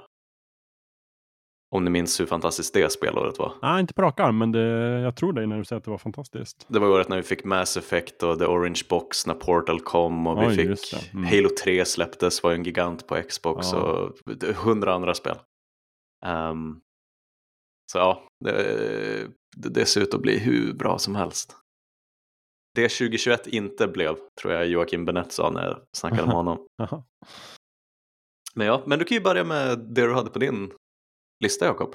Jag börja med min korta lilla lista? Ja. Kör, kör. Ja, absolut. Nej, men jag ser fram emot ett Nintendo-spel som heter The Legend of Zelda Breath of the Wild 2. Det kommer det inte heta sen när det kommer naturligtvis, men det är uppföljaren till Breath of the Wild. Men jag tycker kanske är ett av de bästa, absolut bästa Zelda-spelen och ett av de bästa spelen någonsin i historien. Eh, och det har ju kommit någon form av löfte att det ska dyka upp nu under 2022. Så att, eh, mycket, mycket sugen på det. Eh, nästa spel jag är sugen på är eh, det här Starfield från just Bethesda sci-fi RPG. Lite här Skyrim i rymden har man väl sagt. Ja, med typ en tydlig Han Solo-vibe, Ja. tror jag Todd Howard har sagt. Precis, jag fick ju gåshud av, av trailern. Jag tyckte estetiken eh, passade mitt i prick. Eh, Jag vet nästan ingenting om själva spelet. Så att kan ju fortfarande bli inte min kopp te, även om det verkar otroligt ambitiöst. Men jag tror och hoppas att det är väldigt bra. Så att, eh, det ser jag fram emot. Och det tredje spelet är ett som heter Marvel's Midnight Suns. Okej. Firaxis som har gjort Just det. XCOM 1 och XCOM 2, de nya XCOM-spelen. Det här är deras nästa titel som är lite XCOMigt fast också har de gjort om stridssystemet som man använder liksom kort på något sätt. Och det är liksom Marvel Marvel-magiker kan man säga. Mycket så här, liksom Doctor Strange är med och lite olika eh, hokus pokus i Marvel-världen som de spelar. Det verkar vara ett sjukt trevligt och bra strategispel. Och jag gillar ju Firaxis och allt de gör. Så Men det är väl typ också, det, det är väl en salig blandning. Du har Wolverine och Iron Man och allihopa. Ja, ja, oh ja, Wolverine är med också naturligtvis. Så. Jajamän. Och jag tror också liksom såklart Avengers och Captain America och de här. Men, men jag tror handlingen kretsar kring liksom de här lite, lite mer magiska elementen. Mm. Just det, jag hade helt glömt bort att Firaxis satt och pysslade på ett Marvel XCOM. Så det, Tack för att du påminner Det blir trevligt. Ja, absolut. Och det kommer i mars redan, så det är ganska snart. Om det inte blir försenat. Det kommer snart bli. De, de tre, får jag de tre så är jag väl nöjd. Men som, som ni sa, det finns ju otroligt många fler spel att se fram emot. Men det var mina topp tre. Ja. Ni, ni får gärna dra en igenom dålig- hela, det var inte hela en dålig topp Nej, tre. eller hur? Alls. Lövet, vad, vad känner du spontant? Ja, eh, Final Fantasy 16. Mm. Det skulle ju egentligen ha släppts under 2021. Men på grund av covid-relaterad eh, logistikproblematik så eh, fick de eh, skjuta det till 2022. Och det finns två stora anledningar till att vara hypad för det om man är JPG eller FF-fantast. Är du det? Förlåt, jag måste bara... För det kanske inte alla vet om. Kanske gillar den serien en, aning. Men jo, den ena anledningen är att de återvänder till en mer en, en klassisk fantasy-inramning. Och det har de inte haft sedan eh, Final Fantasy 9 i princip. Eh, Mm. det har ju varit mer moderna eller typ steampunk eh, samtidsinramningar. Eh, men nu, nu går de tillbaka till en klassisk fantasy-setting och det gillar jag jättemycket. Och sen är att producenten är Yoshi P. Eh, som, och de som är eh, intresserade av Final Fantasy 14 eh, känner igen honom som mannen som räddade spektaklet som var Final Fantasy 14 1.0 eh, och eh, återlanserade det som eh, Realm Reborn eh, som har bara gått från klarhet till klarhet och det är liksom det största MMORPG just nu eh, som alla eh, höjer till skyarna. Eh, och allting han producerar eller regisserar blir till guld. Så jag, jag har höga förväntningar på att Final Fantasy 16 kommer bli en riktig eh, JRPG-pärla för de som gillar serien. Jag tycker att det är kul med den serien för övrigt att 13 var ju lite cyberpunk. Mm. Fantasy cyberpunk. 15 var ju att man knuffade en Audi i 50 timmar. Ja. Och 16 är typ Drakar och Demoner. Ja, Man vet aldrig vad de skakar fram i Final Fantasy-hatten alltså. nej. Men eh, till skillnad från tidigare, de senaste inläggen, så kanske inte det här blir en eh, experimentell röra, utan faktiskt någonting fokuserat. Eh, du lite back to basics-vibbar? Ja, jo men eh, alltså just att det, det är ju actionbaserade strider som, som de flesta moderna JRPGs är. Men i övrigt så känns det, känns det ganska classic. Eh, och Yoshi P, han, han, han förstår vad det är som gör en bra FF-upplevelse. Så jag, jag tror att även om det kanske inte blir vad man förväntar sig av ett Final Fantasy så kommer det bli, det kommer bli ett bra spel. Så Mm. eh, ja, väldigt höga förväntningar. Får jag kasta in en fråga där, Lövet? Vilket är ditt favorit Final Fantasy? Eh, Om du bara fick ta med ett till den öde ö. Får jag gissa innan du svarar? ja, det får du göra. Jag, jag tror att du har svårt att inte säga Final Fantasy 7. Ja. Men sen tror jag att du tycker om 10 och 12. Eh, 9 och 12 faktiskt. 9 och 12. Ja. Eh, nian är fantastiskt charmigt och tolvan är underbart att eh, äventyra i. Eh, så, eh, och sexan är också jättebra, men det har en svagare andra halva, så eh, jag har tenderat att eh, lyfta tolvan före det nu för tiden. Jag sa bara några siffror, det är helt sjukt att jag fick rätt. Så så det, det tror jag kommer bli jättebra. De har inte sagt när det släpps, men med tanke på att det skulle ha släppts under 2021 så är det inte helt omöjligt att det kan släppas under första halvan av 2021, eh, 2022. Men de kan ju också välja att hålla på det till tidig höst om de om ja, release-luckan ser bättre ut då. Mm. Eh, De brukar ju vara ganska duktiga på att skjuta på de där titlarna om de inte är helt nöjda med ändå va? Ja, och de, de sa ju det att eh, vissa sådana här eh, eh, assets som de hade eh, Eh, innehåll i spelet som de hade lite eh, externa utvecklare till att ta fram hade de fått eh, försena eller skjuta eller ställa in helt och hållet på grund av eh, pandemin. Och det är ju svårt att säga hur mycket material är det. Det kanske representerar en, en hygglig stor del av eh, liksom, eh, innehållet och finslipandet av produkten. Och då kan det ju dröja ganska länge innan man får allt på plats. Så det, det kan ju mycket väl bli andra halvan av eh, 2022 också. Mm. Eh, men sen är det ju ett annat eh, litet eh, småspel som heter God of War Ragnarök. Som också skulle ha släppts under 2021, egentligen. Men det var ambitiöst, det kändes ambitiöst alltså redan när de sa det. Ja, jo det gjorde det. det. Det kändes alltid som att det skulle glida in i 2022. Men sen blev ju Christopher Judge som röstskådespelare för Kratos, han blev ju skadad. Um, och de, de beslutade sig för att pausa utvecklingen så att han skulle kunna, skulle kunna vara med. Mm. Uh, och det visar ju hur mycket, uh, alltså hur mycket pengar de kan investera i den produktionen. Uh, för även om de uppskattar sina röstskådespelare jättemycket så en, en mindre utvecklare hade kanske inte haft pengarna till att göra det. Men med den produktionen så valde de att göra det. Um, och, så det, det är svårt att säga när det släpps också, men det kan ju också bli ett höstspel, eventuellt, beroende på hur releaseluckan ser ut. Uh, uh, Jag måste bara säga en liten, på tal om att de sköt upp det för att Christopher Judge var otillgänglig där ett tag. Mm. Att, eh, för ofta i filmbranschen får man ju höra att äh, nu har de pausat produktionen av James Bond för att Daniel Craig har brutit höften liksom. Mm. Eller Tom Cruise bröt foten i Mission Impossible. Så nu är det on hold ett tag. Um, men det är ju sällan man får höra precis varför ett spel blir skjutet på i spelbranschen. Mm. Men med God of War Ragnarök hände det två gånger. Dels med Christopher Judge och så fick vi det liksom svart på vitt. Men också så gick ju Cory Barlog ut och sa nej det, det är bara på mig där. Um, att, att det blev skjutet på den här gången mm. av anledning X. Liksom. Uh, och det kändes lite, God of War är ju ett väldigt filmiskt spel och det kändes det passande att vi fick tydliga svar på varför pausen i produktionen. Mm. Ja, men för, för det här liksom. Uh, så det känns rätt på något sätt. Men det är väldigt ovanligt att, att, att sådana saker kommer fram. Liksom. Men Barlog var ju väldigt öppen med under produktionen av uh, God of War 2018 Eh, med, med dokumentera och prata om problem och liknande med produktionen. Så det känns som mm. att eh, de, de fortsätter på den inslagna banan med eh, Ragnarök. Mm. Och det, det, var väl Christopher Judge som, som först tweetade om att det var han som var anledningen och sen så... Just det, sen kom sen Corey och sa... Corey, nej, nej. men det, det är såklart, det, det, ni, är, ni, är, ni är en, en nyckeldel av den här produktionen så det är klart som fan att vi, pausa där. Pausa. Mm. Så att, eh, det är stort.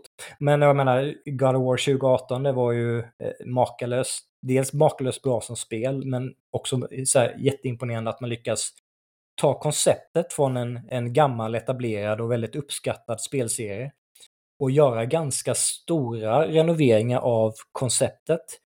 Men ändå lyckas göra en bra ny upplevelse och ändå blidka fans av originalupplevelsen. Det, det, är inte så ofta det händer ändå. Eh, och, det, och storyn är ju jättebra i det spelet. Och så, jag ser verkligen fram emot att få det ihop, ihopknutet i Ragnarök. Också en sån, eh, säga vad man vill om konsolexklusivitet, men verkligen en sån exklusiv titel som eh, bara gjorde svart magi med Playstation 4. Ja. Um, Ja, hur de lyckas kräma ur det ur så, en sån lastgammal superklen processor, det, det, ja, det är, det är lite svart magi faktiskt. Och nu släpptes ju precis för ett par dagar sedan PC-portningen mm. av God of War. Och den har ju fått jättemycket, typ bara ros, ja. nästan inget ris. Um, så snyggt, snyggt jobbat av alla inblandade. Mm. Vi ser fram emot Ragnarök. Indeed. Och sen, eh, precis som eh, Jakob var inne på, Breath of the Wild 2, vad det nu kommer heta. Superstort såklart. Eh, och sen eh, eh, Triangle Strategy, ett Switch-spel. Det är ju utvecklarna som tog fram eh, eh, Octopath Traveler. Fast den här gången är det inte ett, ett, ett JRPG utan ett SRPG, strategiskt RPG. jag är inte ett superfan av just den, den genren, men jag älskar ju den grafiska stilen och musiken från Octopath Traveler. Eh, och, och jag kan nog lära mig att gilla ett strategispel, ett SRPG också. Eh, för det, det, det, ser ju super, superintressant ut. Eh, och sen kan jag också lyfta fram att jag tror jag pratade om det här förra året också. Ett Ghostwire Tokyo. Eh, när, när det nu släpps så vet jag inte riktigt om... Ja, det kan bli bra, det kan bli kalasdåligt. jag har faktiskt ingen aning. Men jag är åtminstone nyfiken på att se om det släpps och om det är bra. men eh, jag älskar ju skräckspel och uh, udda skräckspel så uh, ja, jag vill, jag vill väldigt gärna få reda på om det är bra. Hur det är? Ja. Mm. Jag har framförallt två titlar på min lista som ni inte har nämnt. Och jag har sån himla tur att båda släpps i februari. Det känns helt otroligt. Jag, jag vet Ehm, vad ett av dem är. Ja, det, det, jag tror nästan att du vet vilka båda är. Nej, men det, det första är i alla fall Elden Ring. Eh, det är nästa spel från eh, From Software. Alltså skaparna av Bloodborne och Dark Souls, Demon Souls. Ehm, och Elden Ring ser på något sätt ut att bli deras, vad säger man, Infinity War Endgame. Där de tar alla delarna från deras tidigare spel och sätter ihop det i någonting fantastiskt. Um, det det har gemensamt med tidigare spel som Dark Souls är att det är väldigt icke-förlåtande, svårt, eh, fiender och bossar som slår skiten ur dig. Eh, men den här gången så är det en vidsträckt öppen värld, det har de inte gjort tidigare. Där du kan, du kan rida runt på en häst och du, du kan liksom gå dit du vill. Och det, det finns en story att följa och bossar att döda såklart. Men det är mycket mera liksom den här Breath of the Wild, Ghost of Tsushima-grejen att ser du skogen där borta, där kanske det händer någonting ballt. Eh, så, så man blir inte lika handhållen och snitslad genom en bana på samma sätt den här gången. Eh, alla, alla förtittar, allting som har skrivits och spelats inom spelet får man bara tro att det kommer bli hur bra som helst. Ehm, och ja, jag håller fortfarande Bloodborne som ett av de bästa spelen jag någonsin har, någonsin har spelat. Det ska bli otroligt spännande. Hidetaka Miyazaki är ju ett geni. Senaste, senaste av hans spel som jag verkligen spelade var ju eh, Sekiro som släpptes. När kan det ha varit? Levat? 2017, 19, 18? Ja, måste inte han varit 17 va? Eller däromkring. Ja, Ja. något sånt. 18 kanske, 19, jag vet fan. Men eh, det, det, jag, har bara, jag har svårt att se att det blir sämre än riktigt bra. Och det är lite farligt när man känner så inför, men jag ser fram emot det. Eh, och så sen det andra av mina spel nu som släpps i februari är Total War Warhammer 3. Jaha, då hade jag helt fel. Mm, mm, mm. Och det ser också ut att bli liksom allting britterna på Creative Assembly har lärt sig med ettan och tvåan som de ska slå ihop nu i en fantastisk bombastisk tredje del i Total War Warhammer-sagan. Och eh, jag vet att jag kan knappt vänta på det, Joakim Benett på FZ kan knappt vänta på det. Ehm, du är väl lite av en strategiidkare, Jakob? Kan man väl säga. Ja. Jag har inte Du spelat så många. Total War, men jag har spelat några, men inget Warhammer. Senaste du spelade var väl, rätt om jag är fel, men Empire Total War. Ja, jag spelade Total War Empire och sen så började jag spela Total War Rome 2. Mm. Eh, och tappade väl lite sugen kanske. Ja. Men eh, jag gillade Empire väldigt mycket. Ehm, eh, jag vet inte riktigt vad jag ska säga. Det, det är svårt att säga Total Warhammer 3 till fo- folk som inte känner till det och får dem att bli sugna på det nu i en snabbis i fullkultur. Men eh, det, det kan mycket väl bli det bästa strategispelet 2022. Ehm, eh, kan knappt vänta, som sagt. Ska jag säga vad jag trodde du skulle säga som jag helt glömde bort att säga själv? Ja, gud, jag är jättespänd. Horizon Forbidden West. Just. Yes, Släpps för det, det skulle jag ta upp. 18 februari. Mm. Just det, det kommer också i februari. Jajamän. helt, helt jajamän. Eh, ja, det- och det är väl liksom nästa stor titel till Playstation 5. Mm. Eh, uppföljaren till Horizon Zero Dawn. Och det är Guerrilla Games. Mhm. Där kan vi också snacka om Som- att lyckas klämma ur svart magi-resurser ur gammal hårdvara. Ja, Med, med, med föregångaren, det vill säga. Ja, Det är Ett av de snyggaste PS4-spelen. Oh ja. ja, och för er som inte vet vad vi pratar om så är det någon typ av postapokalyptiskt. ehm, tillbaka till stenåldern men det är högteknologiska dinosaurier som springer runt i vildmarken och Open Eh, World-spel. Precis, man spelar Alloy eh, som försöker ta reda på vad som har hänt och varför det har hänt och hur de ska hålla sig vid liv i den här karga, inte karga kanske, men oförlåtande världen. Och nu flyttar de ju faktiskt. Horizon, Forbid, eh, Horizon Zero Dawn utspelar sig väldigt mycket i snö, karga snömiljöer. Men eh, Forbidden West drar ju som titeln skvallrar om västerut till typ San Francisco-hållet. Mm. Och så sen så får vi djungel och blått vatten. Och det ser lite, påminner lite om eh, Pandora från, eh, Avatar. Mm. Ja, men eh, Zero Dawn hade ju mycket skog och snö. Och det här är mer beach. Beach beach och djungel. Mm. Precis. Ehm, och vilken segway för att uh, igen i det här avsnittet för Avatar Frontiers of Pandora släpps i mars. Ja, Nej, det. 2022, oklart när det släpps. Jag tar tillbaka mars. Alltså jag säger bara nu till alla som lyssnar på Fulkultur, förbered er på att vi går in i eh, liksom årtiondet av Avatar. Vi har laddat några år så att det... Ja, shit, filmerna är på väg, spelet kommer nu. Det, det Ehm, kanske var tanken en gång att eh, spel skulle släppas ungefär när filmerna släpps, men eh, man vet aldrig med Cameron så... Nej, De filmerna kan komma lite när som helst. Ehm, ja, men det, är- det är svenska Massive, alltså gamla Mm.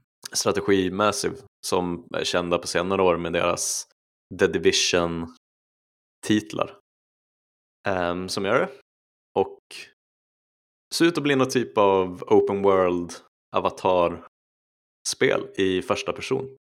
Och att det är i första person det framgick inte alls av att kolla på trailern som de släppte. Men det är det tydligen.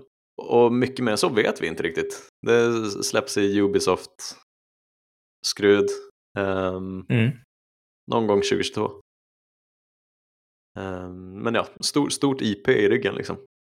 Eh, som, som bara kommer bli ännu större nu när filmerna börjar släppas. En, en liten detalj som, eh, som jag tycker ska bli intressant att se också med Horizon Forbidden West är kommer spelmotorn där att bli utnyttjad som en slags eh, guldstandard för PS5? Eh, för med eh, eh och för, föregångaren så tog ju Kojima och använde spelmotorn eh, till eh, Dead Stranding. Just det, och det Eh. funkade ju alldeles Det utmärkt. funkar ju jättebra. Eh, och så liksom, det är hög grafisk kvalitet och det, det rullar bra. Och det ska bli intressant att se om, om det fortsätter med, eh, med Forbidden West. Att Sony Studios börjar använda det för att visa sig på sin bästa sida. Det ska bli intressant. Mm. Men du Jakob, jag tänkte vi ska inte tråka ut lyssnarna som väntar på se- serier och filmer. Men ska jag dra några snabba på min lista och så får jag bara höra Ja, det tycker jag absolut. Jag tänker vi ska kapitelmärka genrerna här så att om man hatar spel då kan man bara klicka direkt på Ja, film och så kommer man direkt. Så eh, Perfekt. i, om ni hatar spel så titta i eh, beskrivningen i poddappen bara om ni kan hoppa lite framåt. Ti- så titta bort nu i så fall. Ja, precis. Ja, nej, men jag tror att våra lyssnare gillar allt vi pratar om. Alltid. Man får ju hoppas det. Okej, men lite spontana reaktioner då. Så rabblar jag några titlar. Eh, 2022 så ser vi ut att få Baldur's Gate 3 till PC och Stadia. Ehm, är ni gamla Baldur's Gate-fans?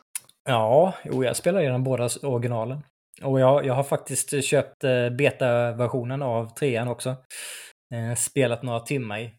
Det verkar väldigt lovande, men eftersom inte spelet är komplett så har jag inte investerat jättemycket tid i det. Nej, men jag tänkte det, om du väntar nu på hela säsongen av Book of Boba Fett kan du ju inte sitta och smygspela Baldur's Gate i Early Access. Jag, jag köpte det på Geeks-tiden när jag skulle använda det för benchmarking, eh, eh, benchmarka en Apple eh, M1 Macbook. Eh, Mhm. Men så kunde jag inte hålla mig från att spela lite bara för att se hur det är. Så att det har potential, men eh, jag har inte spelat tillräckligt mycket för att säga hur nära de kommer eh, originalformen. Eller det, Mm. det man gillade med ettan och tvåan.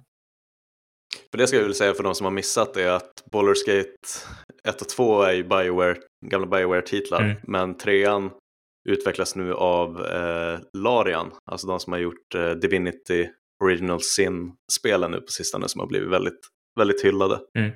Turordningsbaserade strider och grejer. I, ja, det är väldigt likt Baldur's Gate på sätt och vis. Mm. Ehm, så, så det är väl många som tror att det där kan bli riktigt bra i deras, Mm. i deras regi. Mm. Jakob, Baldur's Mm. Gate-fan, ja nej? Jo, men för all del. Eh, jo, jag tyckte de var bra. Både Mm. ettan och tvåan och uh, Icewind Dale har jag spelat och eh, aldrig tror jag Icewind Dale 2. Där Nej. jag väl lusten. Men, ja, men eh, starka spel ändå. Mm. RPG-mys. Ja, verkligen. Um, Okej, nästa titel, Bayonetta 3. Ja, just det. Ser vi ut att få 2022 någon gång. Till Switch. Vad säger vi där? Mm. Har ni spelat Bayonet- Bayonetta-spelen? Jajamän. Ja, det är inte min uh, genre riktigt. Men eh, jag ser ju att det är ett bra hantverk liksom. Mm. om man gillar liksom, vad, är det, vad, är det ens genre? Action, skjuta, Kombo, Kombo. stridsspel typ. Mm. alltså Devil May Cry. eh, Genren. Ja, men alltså jag tyck, första spelet ty tyckte var jäkligt kul. För de, de är ju mästare på... Eh, Platinum är ju mästare på spelmekanik och får det att se snyggt och, ro och få det både vara snyggt och roligt. Eh, men jag, jag spelade bara någon timme in i tvåan, kom aldrig riktigt in i det. Vet inte riktigt varför, men eh, jag gav det inte riktigt en, en solid chans.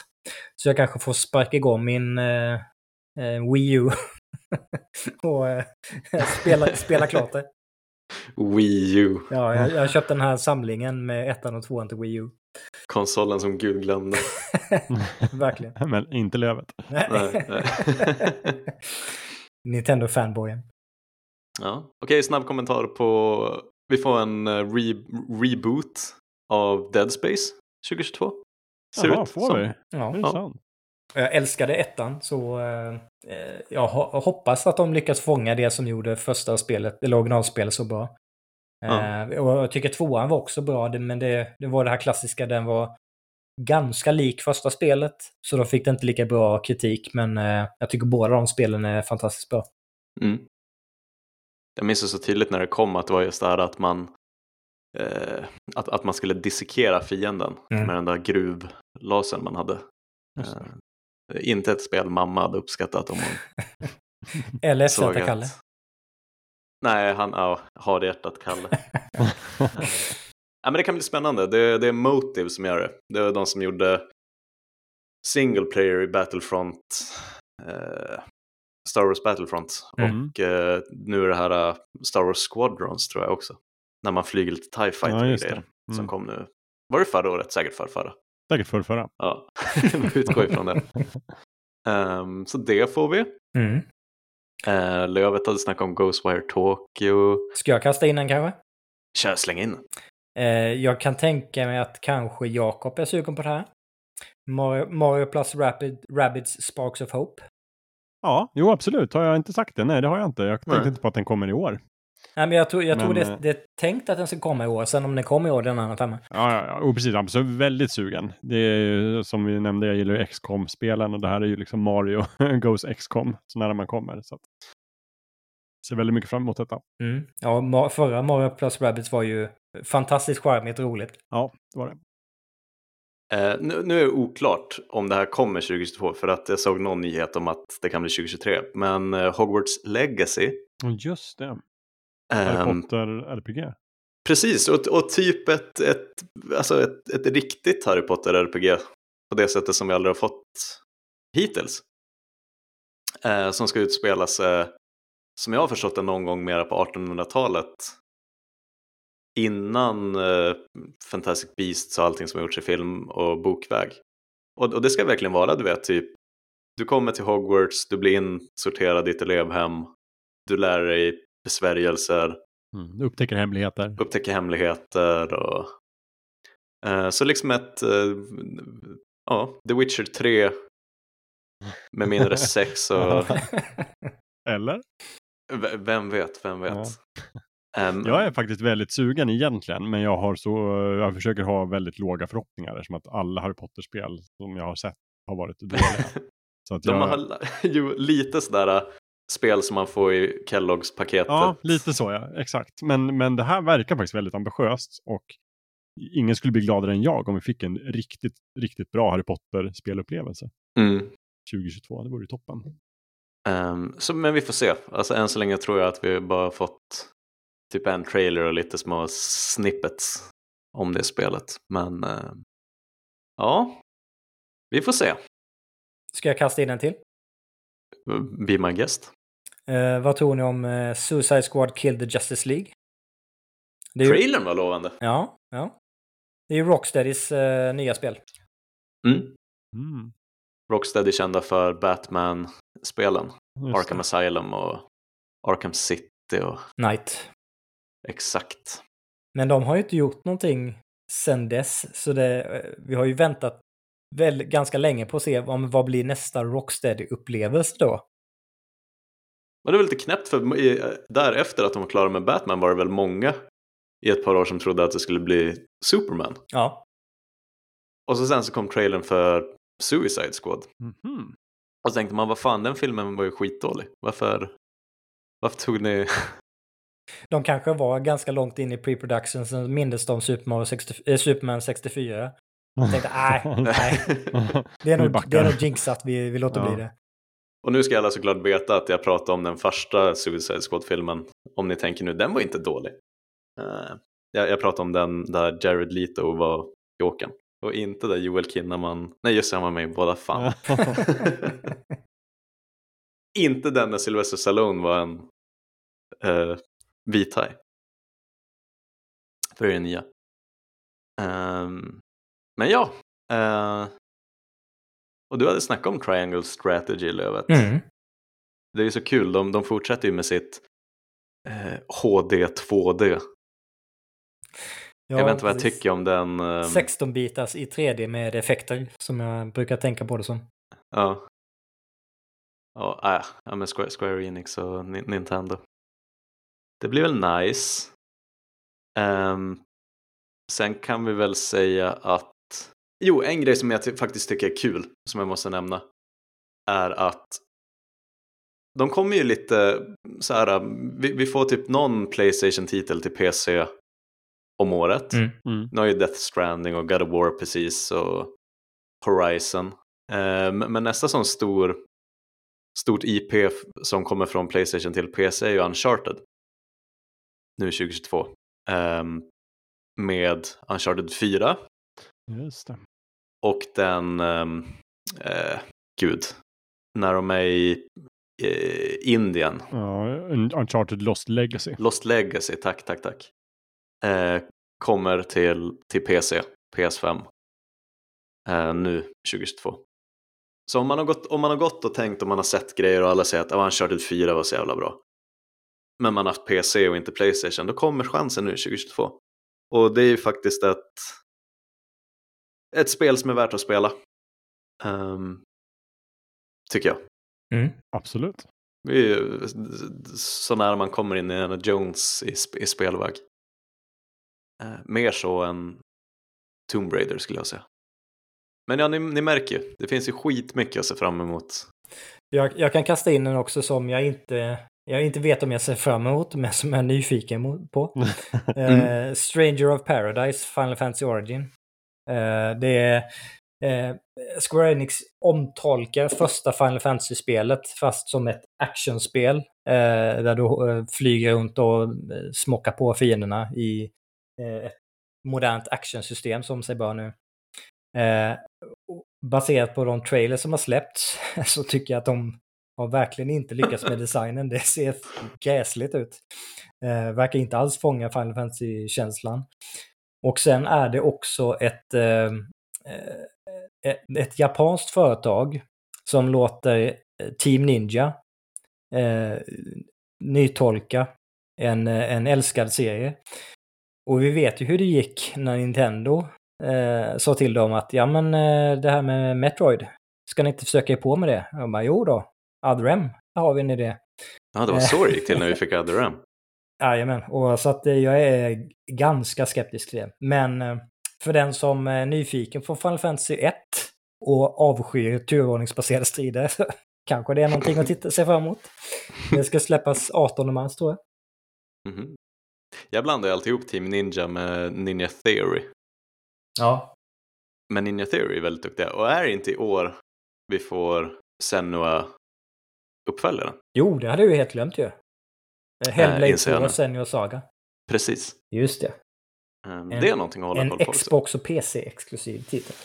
Mm, så kan det gå. Så kan det gå. Kommer alltså helt enkelt bli ett starkt spelår oavsett vad vi gör. Och då är det också så här, säkert en annan överraskning som inte har presenterats än. Mm. Alltså Nintendo har ju förmodligen någonting mer i bakfickan, kan jag hoppas. Ja. Mm.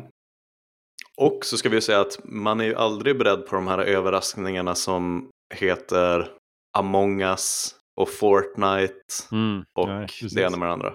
De kommer ju att dyka upp också förmodligen under året, så de ser vi fram emot. Mm. Eh, sen måste jag faktiskt säga shout-out till eh, Fredrik Eriksson, FZs demonskribent. ifall han lyssnar på det här avsnittet och tänker bara, men vad fan, han sitter ju och läser till från min artikel 50 spel att hålla koll på 2022. Och han sitter dessutom och säger min lista. Tack Fredrik. Så jag, jag har tagit hjälp av eh, FZ i det här fallet. Det får man väl göra som Ja, gammal Ja, alumni. det tycker jag. Ja. Det tycker jag.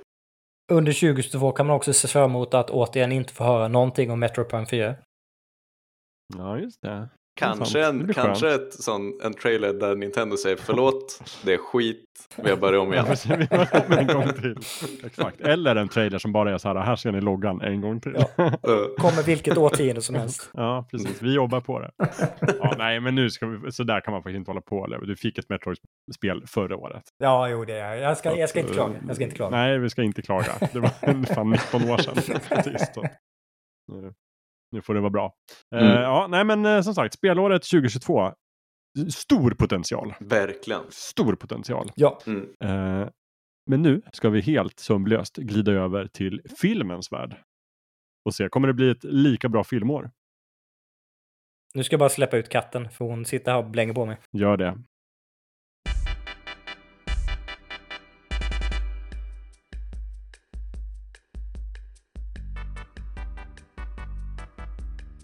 Du tar inte bort det här, vad sen när du klipper? Nej, nej, absolut inte. Definitivt. Det här är bra content. Ja, men det, vi Ja, kommer, extra lyssnarna kommer närmare. Det här kan man inte fejka. Nej, eller hur?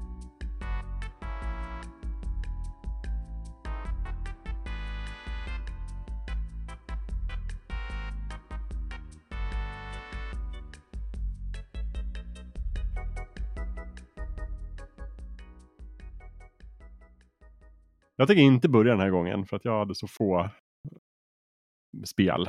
Att jag har en, en längre lista med, med filmer men jag tänkte att någon annan kan få hoppa in och börja, börja rabbla på de här riktigt eh, filmerna man verkligen ser fram emot. Tänker jag. Det finns ju en miljon som vi skulle kunna nämna. Vi behöver inte nämna alla som kommer. Nej. Mm. Men eh, ta några favoriter. Jag har några som jag är riktigt sugen på. Alltså. Kan, ska jag, kan jag kicka igång med den jag ser absolut mest fram emot? Då? Så det tycker jag verkligen du ska göra. Ja. Och det är inte ens nära. Jag ser så mycket fram emot The Batman. Samma här. Ja, jag visste att du skulle säga det. Uff. Oh. Alltså, Be still my beating heart. trailerna eh, talar ju sitt eh, tydliga språk. Det här kommer inte bli dåligt. Ja, alltså jag har faktiskt inte sett den, den senaste trailern. För jag var smart nog att gå in i kommentarsfältet på Reddit innan jag såg den och det första kommentaren var eh, oh, fantastisk trailer men den berättar typ för mycket. Jag önskar att jag inte såg den. Och då tänkte jag jag ska göra det du var för dum, dum för att undvika och inte kolla på den. Eh, men de första två trailersen har, har verkligen räckt för mig. Och också att det är Matthew Reeves. För Mm. Alltså gudarna ska veta hur mycket jag tycker om Felicity. Exakt. Åh oh, gud, det brukar jag kolla på efter skolan när jag, var- när jag var ung. Det är han och JJ. Ja.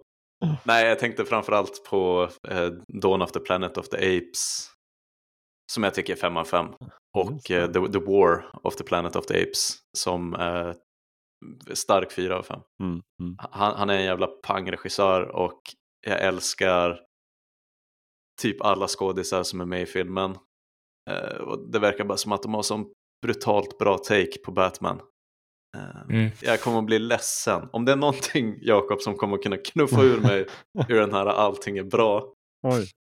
så är det ifall Batman är dålig. Ja. Nej, men det kommer det ju inte kunna vara. Nej. Det, jag, jag har också en bra, jag, såg, jag har faktiskt hållit mig undan från trailers, men jag såg den nu inför, eh, om det var Matrix eller Spiderman, det kommer jag inte ihåg. Men jag såg den på bio. Väldigt bra trailer, väldigt sugen. Mm. Mm. Men jag kan hålla med om att eh, den visade kanske lite mer än jag skulle vilja. Så du, eh, du gjorde nog klokt i att jag har hållit undan från den. Mm. Jag ska ta ikapp nu på det, det jag förlorade på Spiderman. Ska jag ta Mm. ikapp med The Batman. Bra. Han gjorde väl också äh, Låt den rätta komma in, engelska versionen. Matthew Reeves? Ja. Det gjorde han säkert. Jajamän, Jag Let Me In som den heter. Och den, den släpps väl 2 mars va? Gör den det? Va? Jag tror det. Nej, du får inte lura så här med mig. Ja, Släpps den andra mars? Åtminstone har det The varit Batman. planen vid något Jag tillfälle. kan läsa till från Wikipedia att den kommer i alla fall scheduled for release in the United States on March 4, så 4 mars. Mhm.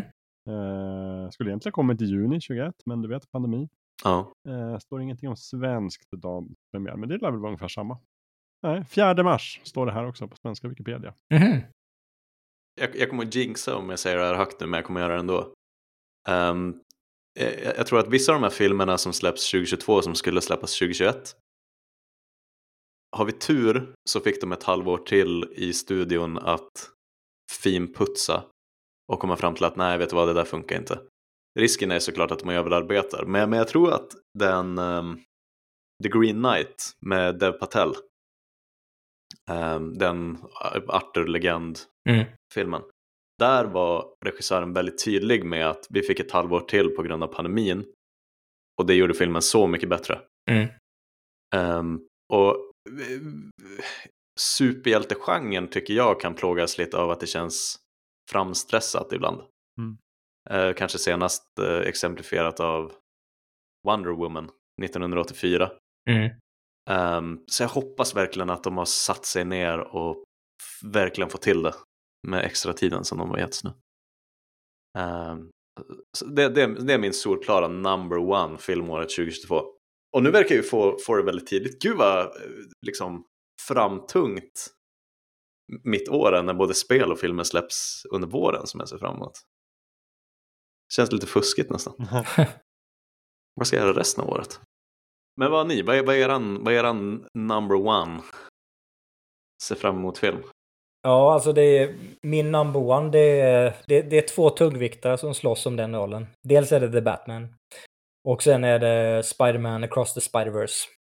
Eh, det är ju f- föregångaren Eh, Into the Spider-Verse är ju fantastiskt. Det är en av de bästa animerade, bästa superhjältefilmer jag sett på år och dag.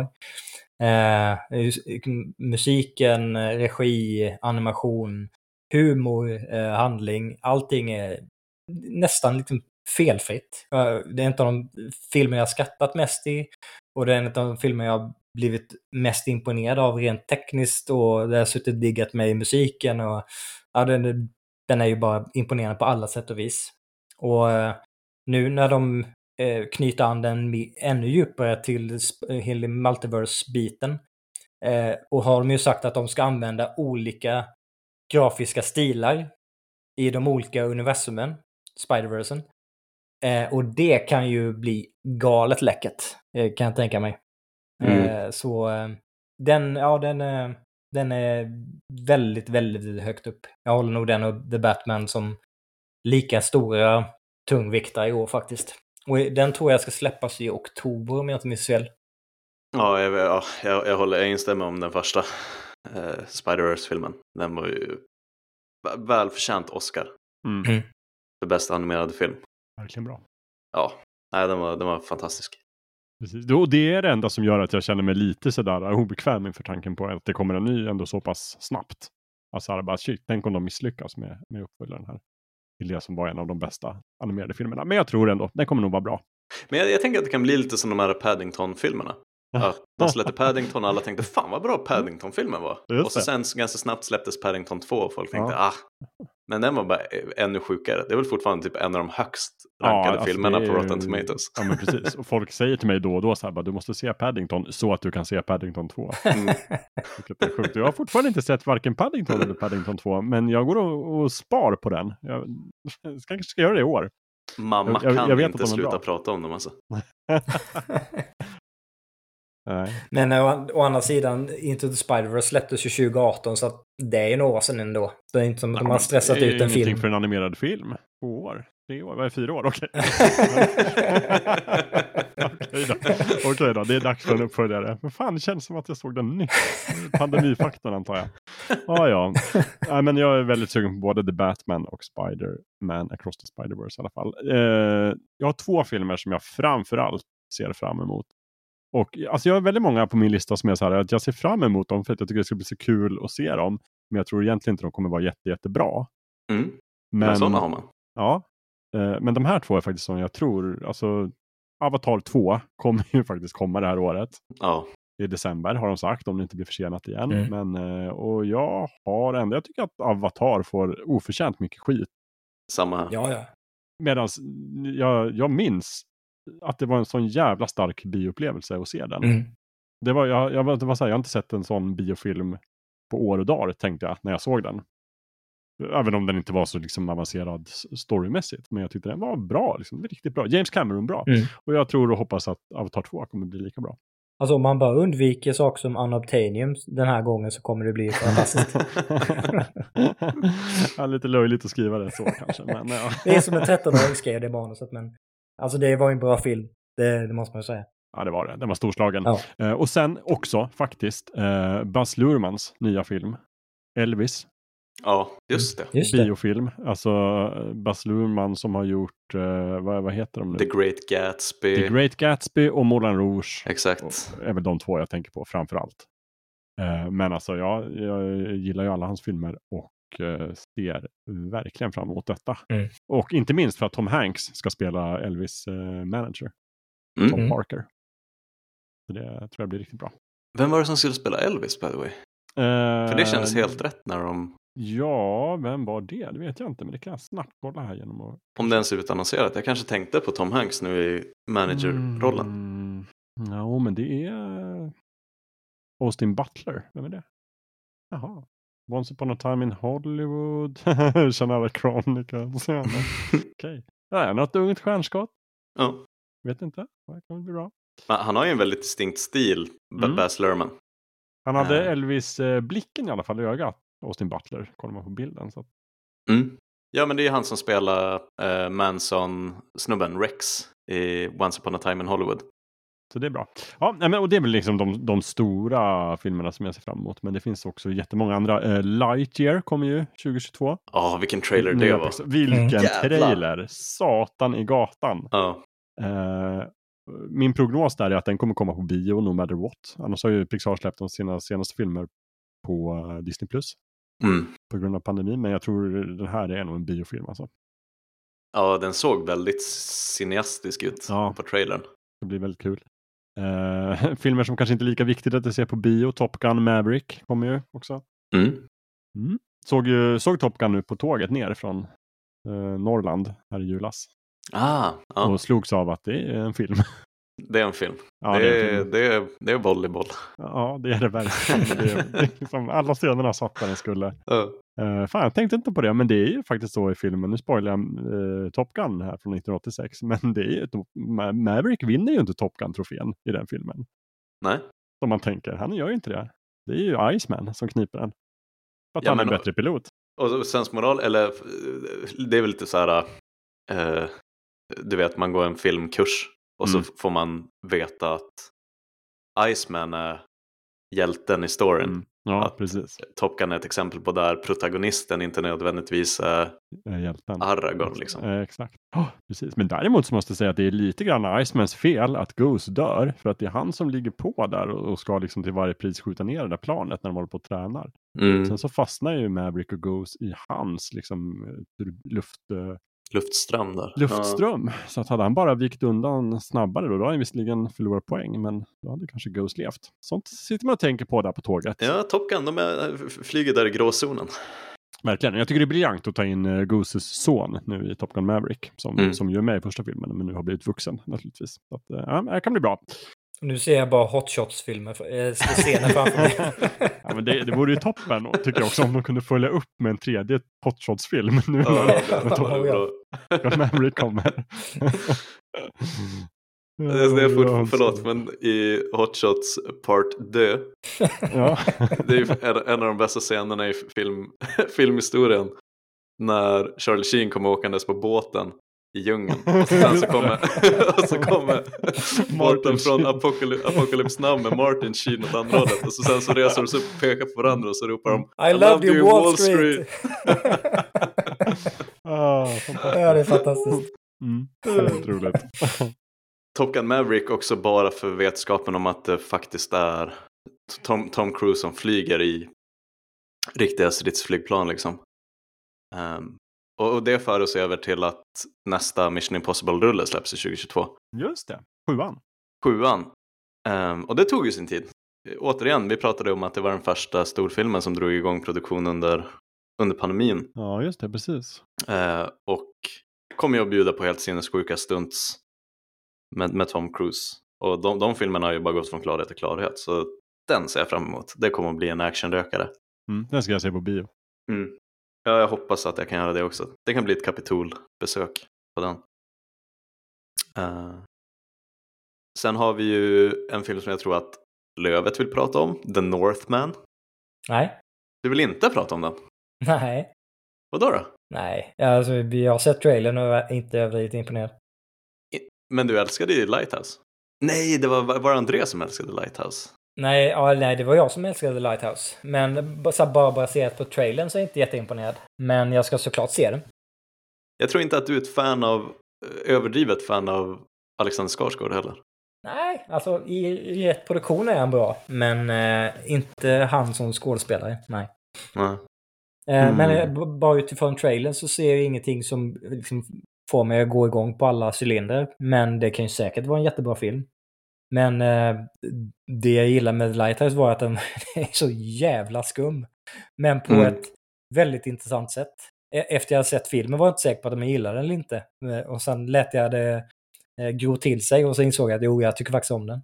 Mm. Eh, Den här eh, The Northman ser ju ut att vara mer, mer pang på rödbetan. Eh, Man vet vad man får. Och så återstår det att se om det är någonting jag gillar eller inte. Men eh, nej, inget, inget jag eh, s- så här, ser fram emot särskilt mycket. Men du kommer att se den i alla Ja, fall? ja, oh ja. Det kommer jag. Uh, revenge flick i fornnordisk miljö. Mm. Mm. Eh, ja. En annan som jag hade kunnat prata om lite snabbt ehm, är mest för att den kommer liksom. Vi har ju Jackass Forever. Ja, just det. Uh, Jackass-gänget med Johnny Knoxville i spetsen är tillbaka uh, med en ny film med en massa galna upptåg.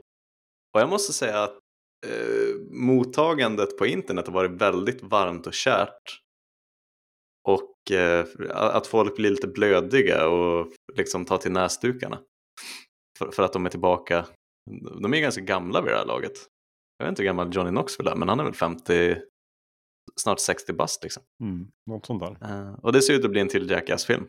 Alltså, Mm. deras vanliga upptåg.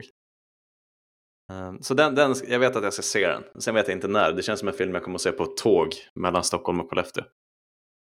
Men eh, den, den kommer 2022. Jag kan kasta in två filmer också. Gör det. Eh, Thor Love and Thunder. Med eh, Natalie Portman som eh, eh, den eh, nordiska guden. Eh, Taika Waititi som vanligt. Och ja, den... Eh, han kan sin skit som man säger. Eh, Mm. Och om man fortsätter på den estetiken eller den typen av estetik som han hade från eh, Ragnarök och den humorbalansen så ja, det kan bli, kan bli riktigt bra. Och där ska ju Christian Bale vara med på ett hörn som en karaktär. Ja, just det. Mm. Som the God Butcher. Just det, han är ju skurken Ja. Mm, precis. Och Matt Damon också. Då måste jag, jag måste hålla mig från att säga det som i eh, Team America. Ehm, Matt Damon. Ja, men det... Eh, den kan ju bli riktigt bra. ja, den ser jag fram emot med, med Thompson också. Hon var ju kung som, som Valkyrie Oh ja, i, i Ragnarök. Och sen verkligen. är det ju jättemycket Guardians of the Galaxy-folk som dyker upp också. Mm. Eh, Precis. Chris Pratt kommer vara med och, Karen Gillian och Sean, Sean Gunn. Och Jeff Goldblum kommer att dyka upp också som The Grandmaster. Just det, det är my- mycket från, eh, det blir Taikas andra Mm. film efter Ragnarök. Mm. För, för det, det är den och eh, Doctor Strange-filmen som vi har sett fram emot i Marvel-väg Mm. 2022. Samma här. Samma här. Och det är väl också de två Marvel-filmerna som jag typ ser mest fram emot eh, just nu i fas 4. Eh, jag tror just det, vi får ju Black Panther-uppföljaren också. Ja, just Mm. det. Den är man, så här, eller i alla fall jag, osäker på. Jag vet inte vad den kommer handla om eller jag har inte sett någonting och man vet egentligen bara att eh, Chadwick Boseman, Ja, precis. precis. som gick bort. Ja. Ehm, ja, så det, det är ju ett frågetecken. Hur kommer de att lösa det utan honom? Men den Ehm. blir ju säkert sevärd. Men, men jag håller med, det är Tor och eh, Doctor Strange som jag verkligen ser fram emot. Doctor Strange-trailern tycker jag ju är fantastiskt bra. Ja. Och jag är så himla glad att eh, eh, Raimi får göra en Marvel-rulle. Ja, det är dags igen. Så himla nice Mm. att han är tillbaka. Mm. eh, efter att han gjorde Spider-Man-filmerna med Tobey Maguire. det, det, är en, det är en regissör jag gillar. Han har sin stil liksom. Och jag, jag tror det kommer funka alldeles utmärkt för en mer skruvad eh, Doctor Strange-rulle. Som ut, alltså, den heter ju Multiverse of Madness. Så Madness kommer det väl att bli. Mm, och Multiverse kommer det bli. Ja. Och Doctor Strange kommer vara med. Mm. De tre sakerna får vi utlovade i titeln. Ja, men det känns verkligen som att det är den filmen som kommer att ta tillvara på allting som byggdes upp med typ eh, Loki-serien och så det ska bli spännande. Ja. Eh, få lite utdelning på de här Disney Plus-serierna som vi har kollat Ja, på allesammans. Ja, men precis. Mm. Sen en annan film som släpps i år är ju Knives Out 2. Yes! Och, Åh, den ser jag fram eh, emot. Och, och första Kul. Knives Out var ju en, en riktigt positiv överraskning. Eh, för det var ju Ryan Johnsons film efter eh, eh, Last Jedi som eh, ja, jag inte var jätteförtjust i. Så jag tänkte, ja men eh, för det var André, vår fulkulturkompis André, som föreslog att vi skulle se den på bio. Jag tänkte, Ryan Johnson? Nej, vad fan, ja okej då. Eh, Mm. Och den är ju jättebra. Det är Mm. så här whodunit med eh, jätteväl regisserad och intressanta eh, twists i, eh, i handlingen och jättebra skådespelare och snyggt filmad och sådär. Så att, eh, ja, ja det, den har stor potential. Och den här gången ska väl Dave Bautista eh, vara till skott till eh, Daniel Craig som var med i förra filmen. Eh, men den tror jag inte har något datum än. Det är väl bara sagt att den ska släppas i år. Ja, precis. Det är det. Jag tycker att det är skönt för Ryan Johnson att han har liksom hamnat i Knives Out-franchise nu. Och att han gör det väldigt bra. Ehm, Han har ingen Disney som sitter och pockar på uppmärksamheten. nej, alltså jag, jag tyckte inte om The Last Jedi, men jag, jag tycker om Knives Out och Ryan Johnson som filmskapare. Mm. Ehm, så han, han kan få gott få fortsätta med det. Lite faktiskt inne på det spåret, för att Knives Out dök ju upp lite från ingenstans och blev en pangsuccé. Mm. Eh, så ser jag fram emot. Eh, har ni sett någonting om en film som heter The Grey Man? Som ska släppas 2022. Nej. Nej. Eh, för det ska typ vara början på en franchise ehm, av Russo-bröderna. Mhm. Alltså Infinity War och Endgame. Bröderna Russo. eh, med Ryan Gosling, Chris Evans och Danush i huvudrollerna. Där Ryan Gosling spelar en CIA-agent som blir lite så bränd av CIA och måste dra på rymmen. Och Ryan Gosling spelar då den här CIA-agenten och så sen så blir han jagad av Chris Evans. Eh, som ska liksom få fast honom. Eh, så så någon, någon typ av spion, jag får lite, lite så Born-vibbar. Ja, ja, verkligen. Men det känns som en väldigt lovande produktion utan att jag, Mm. jag vet inte så mycket om den. Men eh, Det blir en eh, Netflix-produktion. ja. ja, Spännande. Ehm, så The, The Grey Man kan bli en sån mysig helgfilm med en whisky i handen och, och kolla på. Spännande, det ser vi fram emot. Sen på tal om mys, eh, mysterier så kommer ju också Döden på Nilen. Ja, Ja, just det. Alltså uppföljaren till Mordet på Orientexpressen. Kenneth Branagh. Hans filmatisering av Hercule Poirot. mm. Som jag tyckte var helt okej, inte superbra. ja Orientexpressen. My, mysig ändå, ja precis. Ja. Eh, men eh, om man pratar Agatha Christie-böcker så är Döden på Nilen min favoritbok. Så Det kan bli bra. mm, ska Och det bli bra. kan ju också, alltså det kan ju inte bli så jävla dåligt när man gör ensemblefilm på Agatha Christie-bok. Det är ju mysigt. Tycker man om kostymdraman så blir det bra. Men tänkte ni förresten på att de helt och hållet har eh, raderat Army Hammer från trailers och posters för filmen? Nej, men jag vet inte riktigt vem det är. Army Hammer är killen som spelade mot eh, Timothy Chalamet i Call Me By Your Name. Och det var också han som spelade ryssen i Mannen från Uncle med Henry Cavill. Eh, han är ju cancelled nu för att han är misstänkt kannibal. Det är väl förbjudet? Man vet ju inte om man, om man har ätit någon, men jag tror att han var, det, det var väl någon otrohetshistoria och när smsen läckte så stod det typ att eh, jag vill, jag vill tugga på ditt huvud. Oj då. Men han är, in, han är persona non grata i Hollywood. Och, men han spelar, han spelar en av huvudrollerna i filmen. Men han är inte med. han är inte med någonstans. Så nu återstår det att se ifall han är, faktiskt är med i The Final Cut av filmen. Men det, måste, det kommer vara oerhört svårt för dem att, att få bort honom från själva filmen för han spelar liksom Han fästmannen. spelar en ganska viktig precis, Exakt. karaktär. Men eh, ja, det är bara face-swappa honom kanske. Ja, vi får se hur de löser det där då. Ja. Men ja, jag ser fram emot den också Jakob. Det, det ska bli mysigt. Eh, Jag kan kasta in ett tips innan vi går vidare. Eh, Det här kanske har dragit igång när ni lyssnar på det här, men Göteborgs filmfestival kör igång 28 januari. Eh, och eh, det är precis som förra året så kör de det både på plats och digitalt. Eh, och det är faktiskt en teknisk plattform som fungerar väldigt bra. Och där brukar de köra lite mer sådär eh, finkultur, eh, näsan i vädret-filmer. Eh, lite lite eh, mer kulturellt sofistikerade. Men det brukar finnas väldigt många bra filmer, både eh, liksom bra draman och, och udda, udda filmer och indiefilmer och allt möjligt. Eh, och det, det är inte dyrt att skaffa ett, eh, ett pass för de dagarna. Jag tror för mig det kostade 280 kronor och sånt där. Mm. Eh, och ur, ur fjolåret så fick jag, fick jag valuta för de pengarna med, med råge. Så det kan jag rekommendera att ni spanar in om ni tycker om den sortens filmer. Ja, jag fick det också. Jag, jag tyckte att det funkade jättebra med Draken filmappen och Mm. deras premiärer. Ehm, det var kul, man upptäckte mycket nytta. Bra tips, Lövet. Mm. Förlåt, jag ska bara säga en till grej om den här The Grey Man så att ni riktigt blir sugna på den. Den tredje huvudpersonen är eh, Anna de Armas. Ah, det, oh. såklart. Också som i en lite nice out reeve. Exakt, exakt, det var därför exakt. jag kom att tänka på den, för att det var Chris Evans och Anna de Armas. Och de spelade ju mot varandra väldigt bra i den filmen. Verkligen Mm. bra. Ja. Eh, Så det ska bli kul.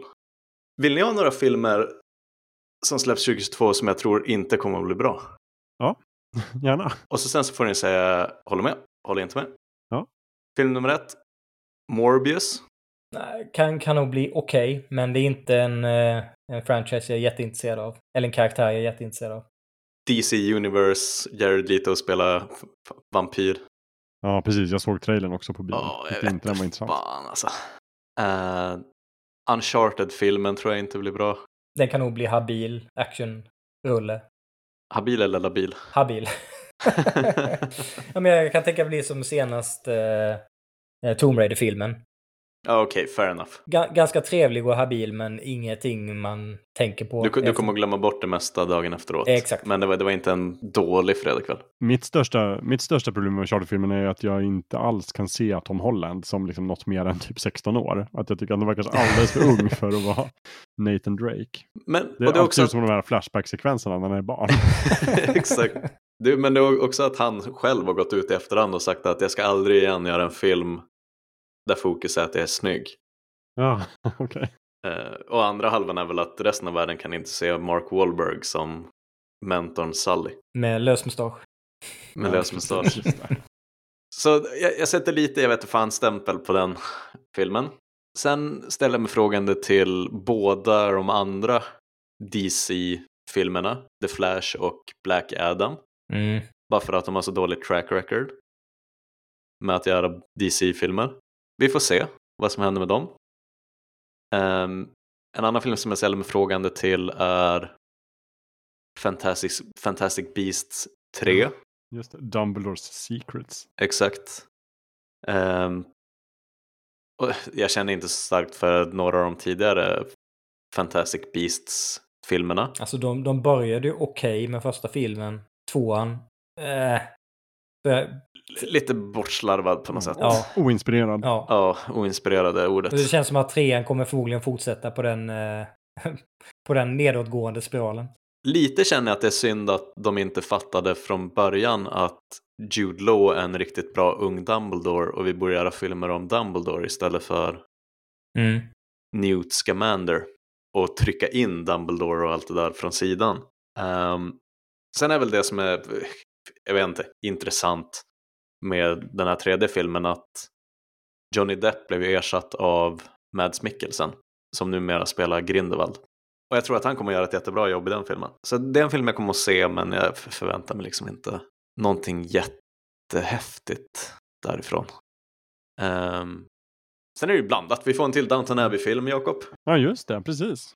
Också låga förväntningar kan jag säga. Ja, för det känns som att de är klara med det där nu. Ja, det, det känns verkligen så. Det, jag kände så hela förra filmen. alltså det kändes som en lång epilog bara. Men liksom, vänta nu, vi har redan, serien avslutades ju. Ja. Det kändes som att varenda story var så här bara att personerna måste komma tillbaka till Downton Abbey av någon oklar anledning och sen liksom få en liten, liten story till. Och sen kan de åka hem igen och allt fortsätter som vanligt. Ja, men det känns uh, verkligen som deras uh, chans att uh, knyta ihop säcken så att alla får det lyckligt på slutet. Ja, precis. Um, ja. Så nu får vi se, det här är början på en ny era eller någonting. Det kan, det kan bli både bra och dåligt. Jag har några till som jag så här, tveksamhet, frågetecken inför. Jurassic World, Dominion. Skit tror jag. Ja.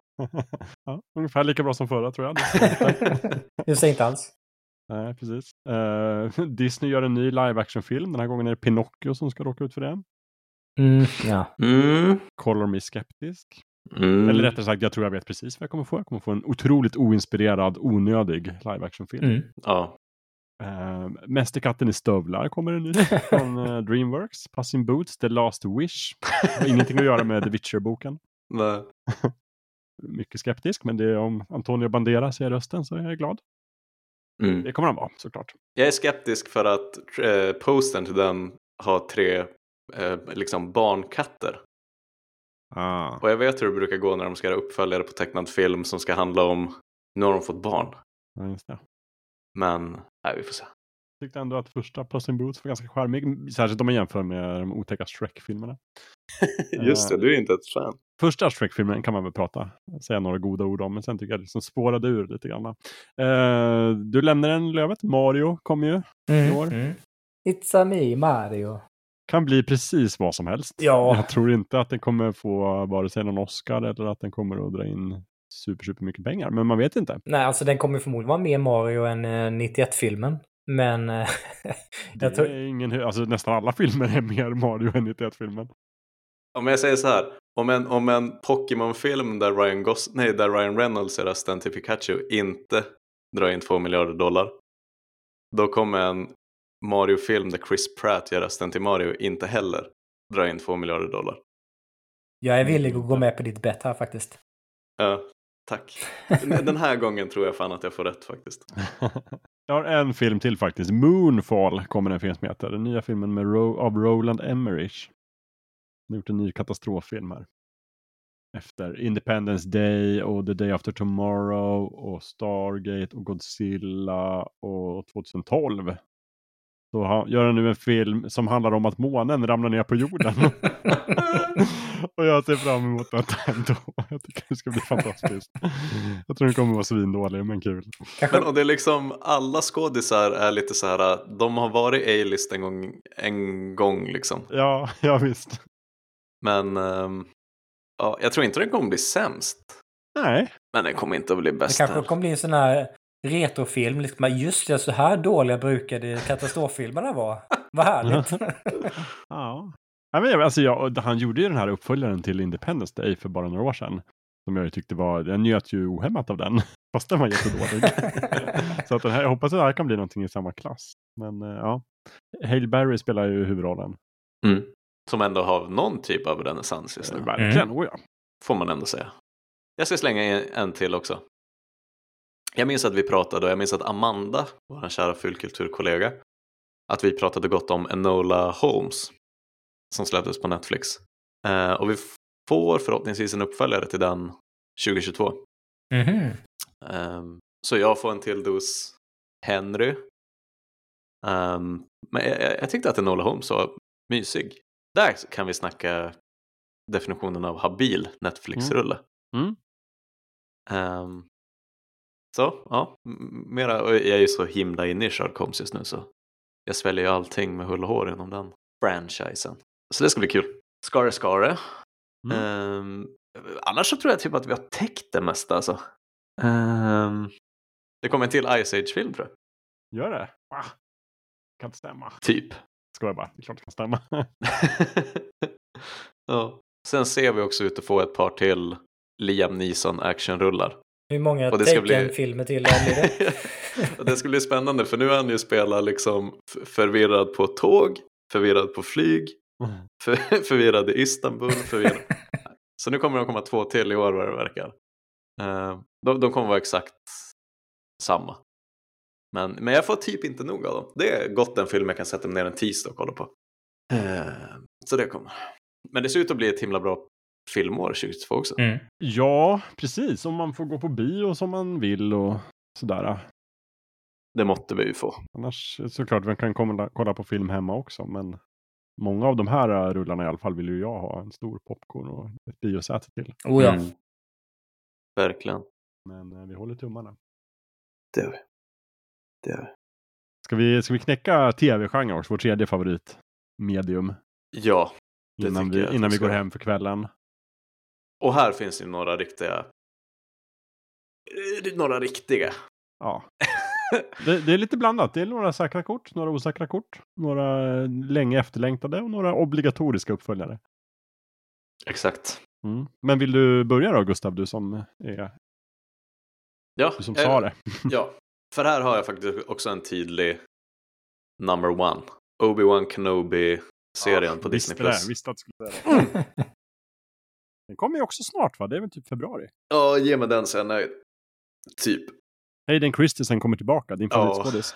Alltså, och ni, ni trodde att det var, eh, att det var Ewan McGregor. Men det är ju Hayden Christensen som gör det. Mm, För mig. absolut.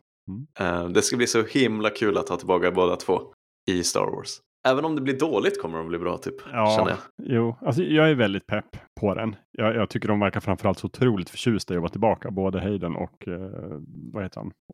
han heter Jo- inte Ewan Obi-Wan, han heter- McGregor. Just det, Ewan McGregor, förlåt. Ben Kenobi jag på säga. Ja, men han var så bra i rollen. Ja, exakt. De flyter ihop. Kenobi. Precis. Nej, men det enda som jag är lite orolig för är att den blir liksom att storymässigt kommer den bli så inhyxad. Så att det finns liksom inget utrymme för en mer äventyr med Obi-Wan Mm. mellan liksom Revenge of the Sith och A New Hope. Men det kanske det gör, vad vet jag? Det känns bara som att det är så här, men vad ska han göra då? Han ska skydda Luke Skywalker såklart. Men, men kommer han och, och så ska han träffa Darth Vader? Men i första filmen, alltså New? Hope, då säger de ju så här, liksom att när vi såg senast, då anspelar de ju på att det var den här ödesdigra duellen som vi Mm. sen fick se i Revenge of the Sith. Och hur ska det här gå ihop? Tänker jag. Men det kommer nog gå bra. Ja, för jag tänkte, för de har utforskat lite av Obi-Wan Kenobi i de tecknade Star Wars-serierna. Mm. Eh, när han har liksom sina duster med ehm, Darth Maul som är tillbaka Ja, från ja, de precis. döda. Mm. såklart. Mm. Eh, så, så eh, nu vet jag inte om det är fortfarande en del av Star Wars-kanon liksom. Jo då, men alltså tecknade tv-serierna är fortfarande kanon. Mm. De, Disney har ju lagt sin välsignelse över dem. Så att Så då vet vi väl att det både hände liksom i alla fall. Rebels och Clone Wars och uslingarna. Och man ser ju Darth Maul i eh, Solo. Eh, Just så det, att, det är eh, det, det är ju i allra högsta grad sammanknutet. Det är, det är legit. Mm. Legit, not så jävligt. Verkligen.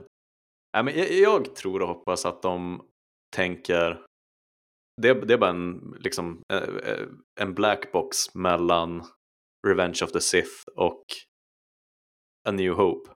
Däremellan kan vad som helst hända. Mm.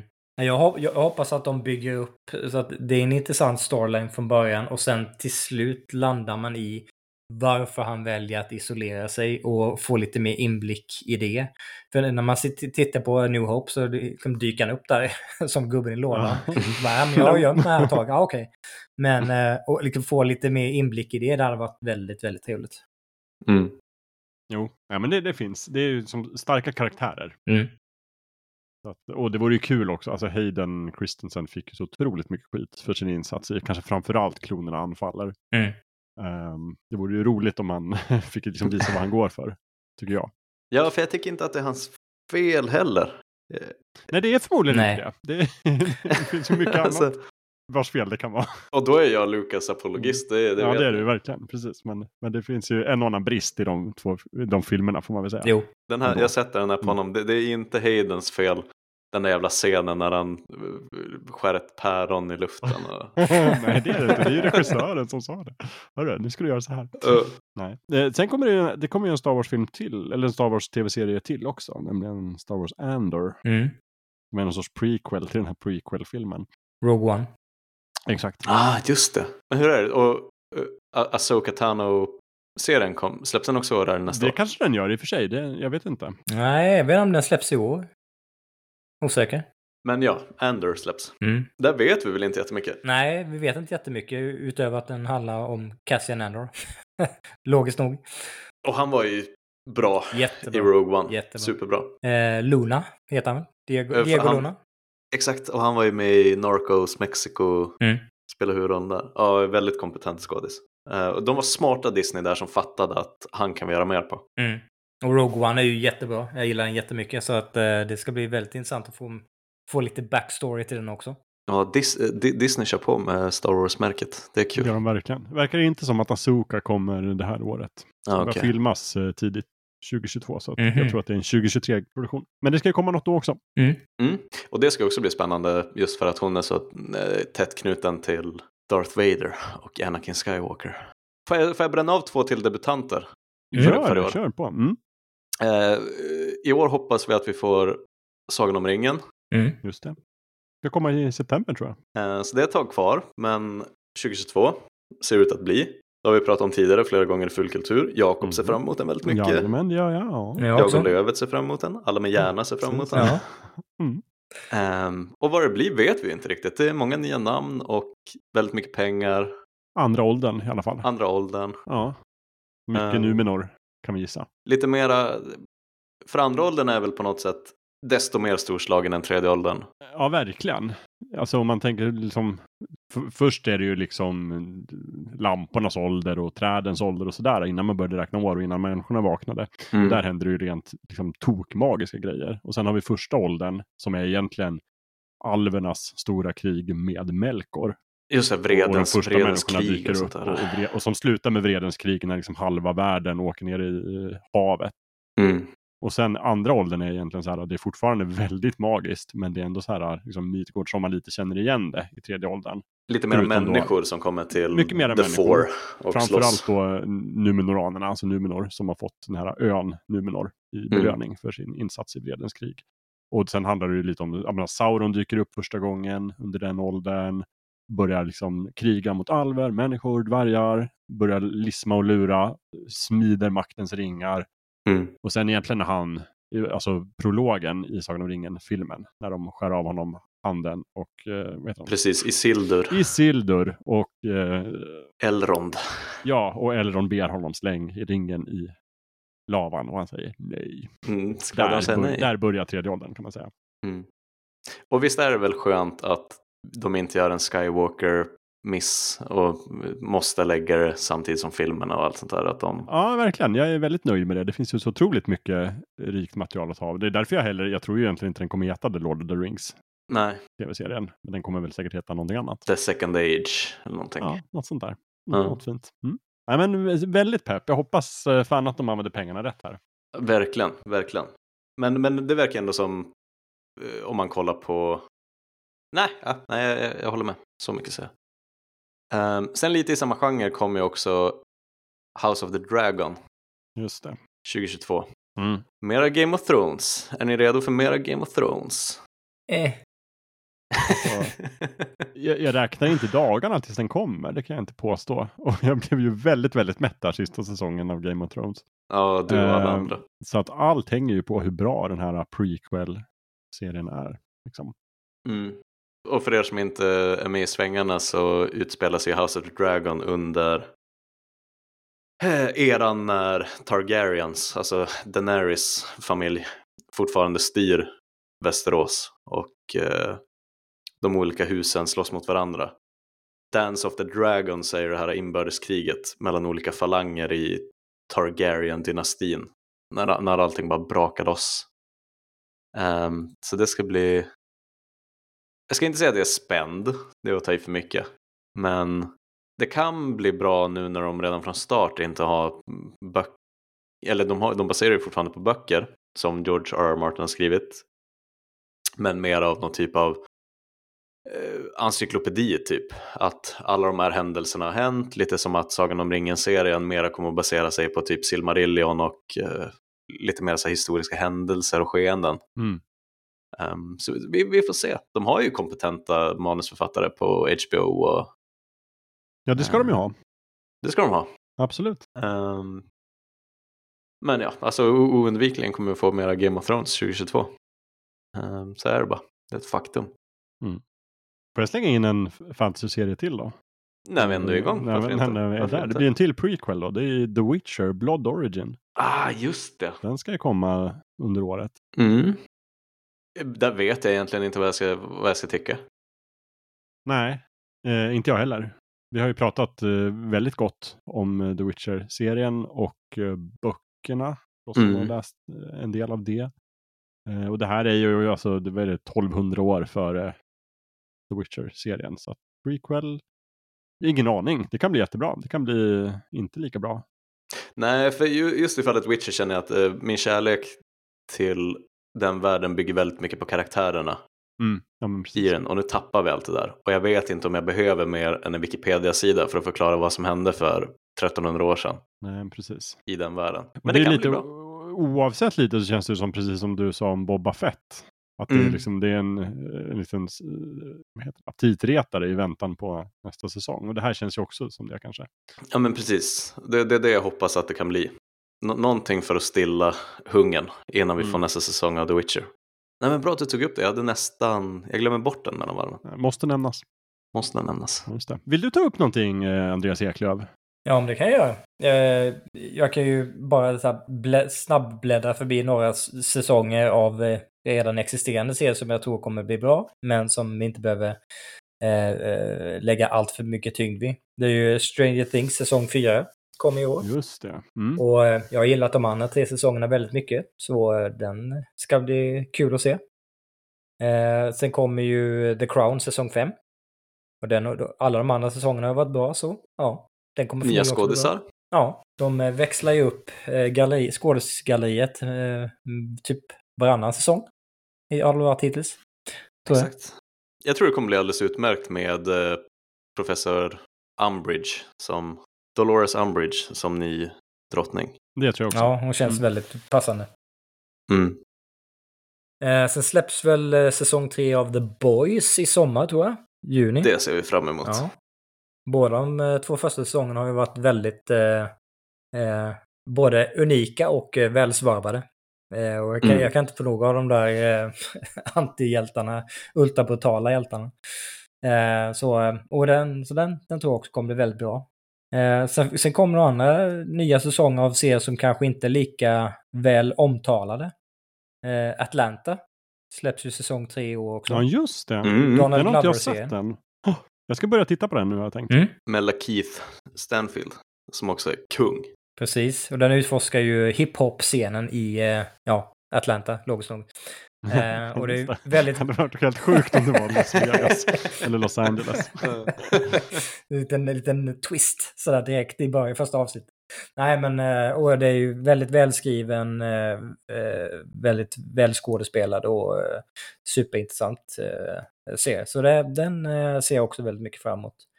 Och sen såklart The Mandalorian, säsong 3. Hur kan man inte se fram emot det mer än nästan någonting annat? Ja, det är under Obi-Wan för mig alltså. Det, det är ju mer, jag har ju jag har sett om eh, båda de två första säsongerna eh, ganska nyligen. Bara för att jag, jag blev sugen helt enkelt. Eh, och det, det jag, jag när, när jag först såg dem var jag inte helt säker på hur jag gillade det här med att näst, varje avsnitt nästan var som ett, en, en, Ett en, eget en eget inneslutet äventyr. Eh, men nu när jag såg om det så måste jag säga att de, de gör det väldigt snyggt. De Mm. lyckas ändå knyta ihop ett, ett större narrativ, en, en hel, helhetsbild. Och ändå lyckas klämma in ett, ett litet sidoäventyr i varje avsnitt. Eh, så är det jättesnyggt filmat och bra handling och eh, musiken, eh, Ludvig Jönssons musik är ju Mm. suverän. Mm. Ludvig. Eh, gamle gode Ludvig. Så den, eh, den tror jag kommer bli eh, fantastiskt trevlig. Sen tror jag att jag i decemberavsnittet pratade om She-Hulk.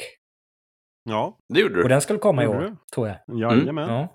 ja, och jag gillade She-Hulk-serierna så att... Eh, mm, den, eh, jag vet inte vad, om den kommer bli bra eller dålig, men jag ser fram emot att få reda på det i alla fall.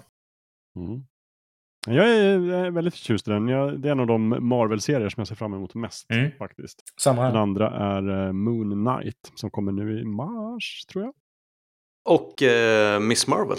Miss Marvel kommer också, precis. Den kommer jag också titta på naturligtvis. Men har inte riktigt samma starka koppling som jag har till både Moon Knight och She-Hulk. Ja, jag har ingen koppling till Moon Knight faktiskt, men ja. Väldigt eh, intressant och bra hjälte. Mm. Eftersom att han har eh, verkligen så här personlighetsstörning. Så det är väldigt många karaktärer där inne i hans huvud. Vilket gör. Det kan bli väldigt Mm. intressant i tv om de gör det rätt. En som jag tänkte på var ju såklart, gud nu tappade jag det precis, förlåt. Det kommer komma tillbaka om ett par, par små sekunder. Ja, annars så slänger jag in en serie medan vi väntar. Tja. Ja, Halo kommer väl det här året? Halo kommer, Paramount. Ja, Måste jag säga Paramount, Paramount Plus nu? Ja, just det. Paramount Plus kan du säga också med svensk betoning. Spelberg Plus. Mm. Är det Parra? Parra är ju pengar. Mm. ah, ja. Ingen aning. Halo-serien jag, kommer i alla fall. Jag vet inget om den mer än att det kommer vara Halo. Mm. Det kommer vara dyr förmodligen. Så jag vet inte, jag hoppas bra. Det vore kul att få lite sådär riktigt redig halv military SF-serie. Det finns lite för lite sånt. Ja, och den såg tillräckligt eh, dyr ut på trailern Ja, det finns en trailer. Mm. som Jo. släpptes. Ska jag gå och titta på den efter det här. Ehm, så det kan, bli, det kan bli bra. Att, att, det, att det tidigare Halo-materialet som har släppts har varit lite halvdassigt gör mig lite skeptisk, men eh, jag håller med om att trailern ser försiktigt lovande ut i alla fall. Precis. Det där sammanfattar du bra. Jag tror att det kan bli... Jag är försiktigt optimistisk ska jag faktiskt säga. Ehm, men jo, det jag tänkte på var att vi hade, vi hade glömt en ehm, Marvel-serie. För vi får väl också Secret Invasion-grejen 2022. Ja, kanske det. Kommer den redan i år alltså? Tror jag. Det är inte omöjligt. Ehm, så då får vi lite Samuel L. Jackson i rollen som Nick Fury, Kobe Smulders. Ex- Expected to premiere in late 2022. Ja, och Ja, nej, men absolut. Väldigt spännande. För det har jag för mig, Jakob, en av dina. Du tycker om Secret Invasion. Jag tycker om seriealbumet Secret Invasion eller serieeventet eller vad man ska säga Ja. väldigt mycket. Mest på grund av att de har gjort en sån otroligt imponerande uppbyggnad under liksom åren innan Secret Invasion kom. De Mm. liksom planterat ledtrådar och grejer i många av de andra serierna liksom inför. Och har de gjort någonting som ens är i närheten av samma ambition här i tv, tv och filmvärlden så kan det bli riktigt, riktigt spännande och, och. Revolutionerande tv. Mm. Men det, även om det bara är en spännande Marvels-serie så kommer det också bli bra. För Kobe Smulders kommer ju vara med. Ja. Ah, på tal om Kobe Smulders. Jag tror inte att How I Met Your Father kommer att bli... Nej, det tror inte jag heller. Den är inte ens med på min lista. När jag, när jag läste om den trodde jag att det var ett skämt först. Sen bara, nej, det är en riktig grej, okej. Ja. Så sitter vi och skrattar nu och så sen så blir det nästa Sopranos liksom. Ja, precis. Tar hemma med alla Emmys som finns. Exakt. Men då äter jag gärna min hatt. Ja, visst, Ja. jag också. Det, är, alltså, det gör ingenting om det kommer bra tv-serier som vi inte räknat med. Eller hur? Live and let live. Har ni några fler? Jag kan dra några snabba annars. Kör några snabba. Uh, Marvelous Mrs. Maisel, min favoritserie, kommer ju tillbaka äntligen 18 februari. Mm. Jag var rädd att du skulle glömma den. Nej, absolut inte. Den har jag uppskrivit här förstår du. Räkna ner dagarna. Så det är bara nu 30 dagar kvar. dess. Eh, och det är ju på Amazon Prime. På Netflix kommer ju The Umbrella Academy, säsong 3. Mm. Tror sista säsongen. Eh, bra. Eh, Westworld, säsong 4 kommer ju. Ja. Jag ändå, det- jag tycker ändå att det ska bli kul att se vart storyn tar vägen. Även om det börjar kännas lite... Det var snällt av dig. Jag var på väg precis att säga att om, om det kommer ut en nyhet imorgon om att de har ställt in den. Då bryr du dig inte. Då bryr jag mig inte. Jaha, aha, okej. Jag, tyck, Ja, jag, tyckte jag, var så... Trean, säsong två, tre. Nej, jag vet inte. Jag tyckte, jag var ändå med på tåget och jag är fortfarande med. Så att jag, jag ska ge det här en, en riktigt ärlig chans. Men det är kanske Eh, är jag gillar- därför jag är gnällig. För jag, jag har också varit med på tåget. För att det är en sån serie som även om man tycker att den är dålig så ser man likt förbannat nästa avsnitt så fort det kommer ut. Jo, men precis. För att det har någonting Ja, när ja. allt kommer kring. Exakt. Och jag tyckte ju att säsong tre var annorlunda men konceptuellt spännande. Så kan vi säga. Och jag hoppade jag av. det, jag gillade den faktiskt. Jag du hoppade av hoppade hållplatsen efter säsong ett. Så jag har inte så mycket att säga där. Hoppsan. Ja, ju. Ja. Det är ju riktigt hardcore ändå. För jag vill ändå ha on record att säsong ett är väldigt bra tv. Otroligt bra tv. Otroligt Eh, bra. Ojämn skulle jag säga, men är- eh, bra, väldigt bra när den är bra. Den är ojämn på det sättet att den blir fem av fem så fort Anthony Hopkins är med i bild. Exakt. Mm. Och så trillar den ner. nästan allt. trillar den ner en bit när den Ja. inte. Allt blir ju fem av fem när Anton Hopkins är med. Ja. Eh, det kommer en ny Star Trek-serie som heter Strange New Worlds som handlar om liksom Enterprise, Kirk och Spock, de här, de som dök upp i Discovery. Mm. Eh, jag hoppas att den blir trevlig och bra och lite mera old school classic Star Trek än Discovery är. Som jag har lite svårt att, att gilla fortfarande nu i säsong fyra faktiskt. Jag kollar på halva första avsnittet i säsong fyra av Discovery och, och har liksom pausat två gånger och sen inte kommit tillbaka. Så jag vet inte vad jag ska göra. Men du, vet, vet. Ida om det här att du har gett upp? Nej, vi har inte pratat om det faktiskt. Men, eh, För jag tror inte att hon har gjort det. det nej, nej, men alltså jag har inte gett upp heller. Jag bara kommit att måste ta väldigt långa pauser. Någon gång ska jag klämma igenom. När jag har Paramount plus lite mer långvarigt så ska jag väl trycka mig igenom det. När jag blir sugen liksom. Mm. Eh, Ghost in the Shell, Standalone Complex 2045 var en anime-serie på Netflix. Kommer en säsong två. Mm. Eh, tyckte ändå den var helt okej och ganska spännande. Jag tror vi pratade lite om den förut. Jo, Mm. precis. Inte jätteförtjust i det estetiska, men eh, annars bra. Jag hoppas de har fått lite bättre datorer. Lite snyggare nu för säsong två. Och mitt sista är jag faktiskt eh, oväntat eh, sugen på att se vad de ska göra med tv-serien Bel Air. Just det. Som är Will Smiths projekt här. En dramaversion av Fresh Prince i Bel Air. Det ska komma. Jag hade glömt bort det. Och eh, det finns en trailer och jag tycker den är jätteintressant. Bara det här kan ju bli riktigt, Riktigt bra. Ehm, såklart, helt annan ton än i gamla Bel Air. Men eh, ja, nej, det är spännande. Så Ja. det är liksom, de skulle försöka utforska liksom, men hur skulle det egentligen gå till om en liksom, snubbe från gatan i West Philadelphia kom till Till liksom, Bel Air. ett community i Bel Air. Så, så att, ja, vi får se. Men den kommer också nu snart. Den kommer ju i februari. Mm. Och det var alla mina. Och Jakob, när du sa ehm, Ghost in the Shell, då kommer Mm. jag att tänka på två till tveksamma cyberpunkiga anime-serier. Dels den här Blade Runner-serien som Ja. Kalle bara tvärsågade i, Ja, i våran Slack-kanal. Vad hette den? Black Lotus? Nej? Nej, Black, eh, Black, eh, Black Lotus. ja, precis. Helt rätt. Där jag tänker fel. Jag de blandade hade- ihop så här. Den, när de gjorde Blade Runner 2049 så släppte de ju tre typ kortfilmer. Varav en kortfilm heter eh, The Great Blackout. Eller något sånt där. Mm. Och det var den jag blandade ihop. Men, den med. men du har rätt. Den nya anime-serien heter Blade Runner Black Lotus. Och, och där ser det tyvärr ut som att de har använt datorer med Windows 98 för att Ja, det ser väldigt animera fult ut. serien. Ja, precis. Jag har sett första avsnittet faktiskt och tyckte det var helt okej. Jaha. men den var väldigt ful. Ja. Men när man liksom kisar, jag får kolla sent på kvällen så är jag ganska trött. Och så kan jag kisa, då ser det bra Då ut. ser det bra ut.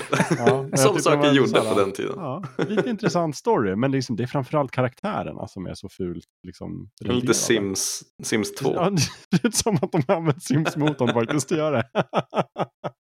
ja, Ja. jo, de skulle behöva hjälp av Pixar eller någon hur man gör liksom lite fluffigt hår. Något.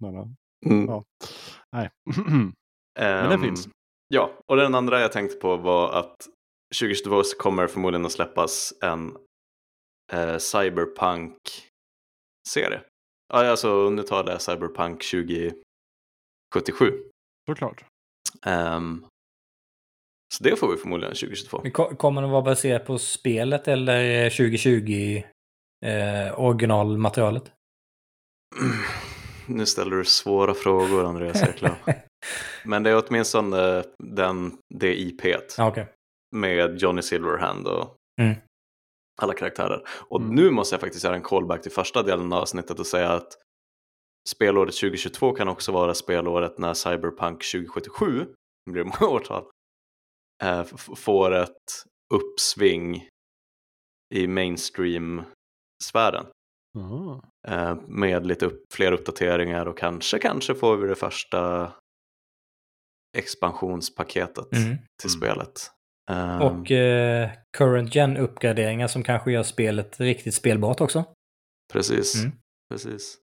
Ehm, så jag säger, glöm inte bort Cyberpunk 2072 nu när vi går in i 2022 för det kommer bara bli mer och mer aktuellt för varje månad som går. Men ja, vi kommer få någon typ av an- anime-serie på det IPet också. Vad mer har vi? Vi får en till säsong av uh, His Dark Materials. Gyllene kompassen på HBO. Mhm. Har ni sett någonting av det förresten? Det är faktiskt ganska bra. Ja, jag har sett. Det, det var eh, förvånansvärt bra faktiskt. Pretty, pretty, pretty good. Ja, jag började kolla men kände inte att det var eh, lockande. Nej, Men det var nog bara för att jag var på fel humör. Kan Mm. vara. För alla jag känner och respekterar har sagt att den var bra. Så. Ja, men alltså, Mm. Plotten är ju inte supergripande, men den är ändå så pass välgjord och eh, skådespelarna så pass charmiga att eh, det är värt att se den, tycker jag. Mm. Och följer liksom källmaterialet på ett, på ett vettigt sätt. Mm. Tycker jag också. Kanske jag ska Eh, gå in och läsa lite på Wikipedia om böckerna Gör först. det. Kanske jag har lite Gör mer koll sen. Philip Pullman-serien i Mm, Dark Materials. By the way, den, den eh, första boken börjar med ett utdrag från eh, Paradise Lost. Den här eh, Milton-dikten James Om, Milton, eh, bara en sån sak. om Satan och djävulen och Adam och Eva. Nej, eh, Satan och Gud. Ehm, och den håller jag faktiskt på att läsa nu. Fem rader i taget, sen måste jag ta en paus på en vecka. Vilken för övrigt har varit en inspiration för Ridley Scott med eh, de senaste Alien-filmerna. Exakt! Mm. Helt rätt Lövet. Mm. Vilken snyggt jobbat. Bra att ni knöt ihop säcken där. Ja, Ja. Men du, på tal om att knyta ihop säcken förresten. Eh, Peaky Blinders sista säsongen kommer nu i år. Eh, och de släppte en ganska eh, bra trailer. Jag har lite tappat feelingen för Peaky Blinders men det känns, så på det sättet känns det skönt att det kommer vara över efter den här säsongen. Om det inte blir en prequel då. Det kommer det säkert att bli. Eh, och det skulle bli en film också någon gång. Eh, ja, jag väntar ju fortfarande på att han, vad heter han, Steven Knight ska göra en säsong två på den där lite oklara Tom Hardy-serien Taboo. Såg ni säsong ett? Eller? ja. Nej. Du såg säsong ett? Ja, alltså jag, jag håller med om beskrivningen. O oklar, välgjord, men oklar. Ja, oklar. Tom, Tom Hardy, han är stor och stark och grymt där. och grymta och tycka att saker är jobbigt. Och Ja. sen, vet, sen minns jag inte riktigt mer vad det handlar om. Det är något jävla sund. Han försöker få rättigheterna till ett sund. Ja. Är- Av oklar anledning. Av oklar anledning. Ja. Nej, jag vet inte. Men, men trots, trots det så ser jag fram emot säsong två. Men jag vet inte när vi får. För då kanske vi får förklaringen till varför han Vad gör hände i de säsong ett? Ja. Exakt. Eh, nej, men det är väl egentligen... eh, jag har nog ingenting med på tv-serieåret 2022. Jag tror säkert det är flera tv-serier som, som kommer som vi bara inte har glömt bort. Eller, eller orkar eh, prata om för att de är så självklara. Men jag tänker så att alla som lyssnar får jättegärna skriva in och berätta. Dels vad man själv ser fram emot i film, spel, tv, bokväg och Mm. övrigt. Om man vill det. Eller typ eh, säga till oss bara, ni missade helt att prata om den här uppenbara saken som ni har liksom nämnt i alla avsnitt förra året. Och nu är det som att det inte finns. Skäms. Mm. Vad kan ni säga? Det kan vi. Och från Mm. lyssnarna så efterfrågar jag då specifikt böcker som, som kom typ 1902. För att det tar ju Mm. typ 120 år för dem att komma till den publika domänen och slippa. DRM. Precis. Men du, eh, biblioteket då? Du kan inte låna böcker? Kanske. det? Jag ska- Är det för att de är DRM-skyddade kanske? Det var så länge sedan jag var på ett bibliotek så jag måste liksom starta från ruta ett på allt det där. Ja. Annars finns det väl också, jag tror Kobo, bokhandeln är väl DRM-fri, är den inte det? De har ett DRM-fritt sortiment. Mm. Ehm, så jag ska kika in det också.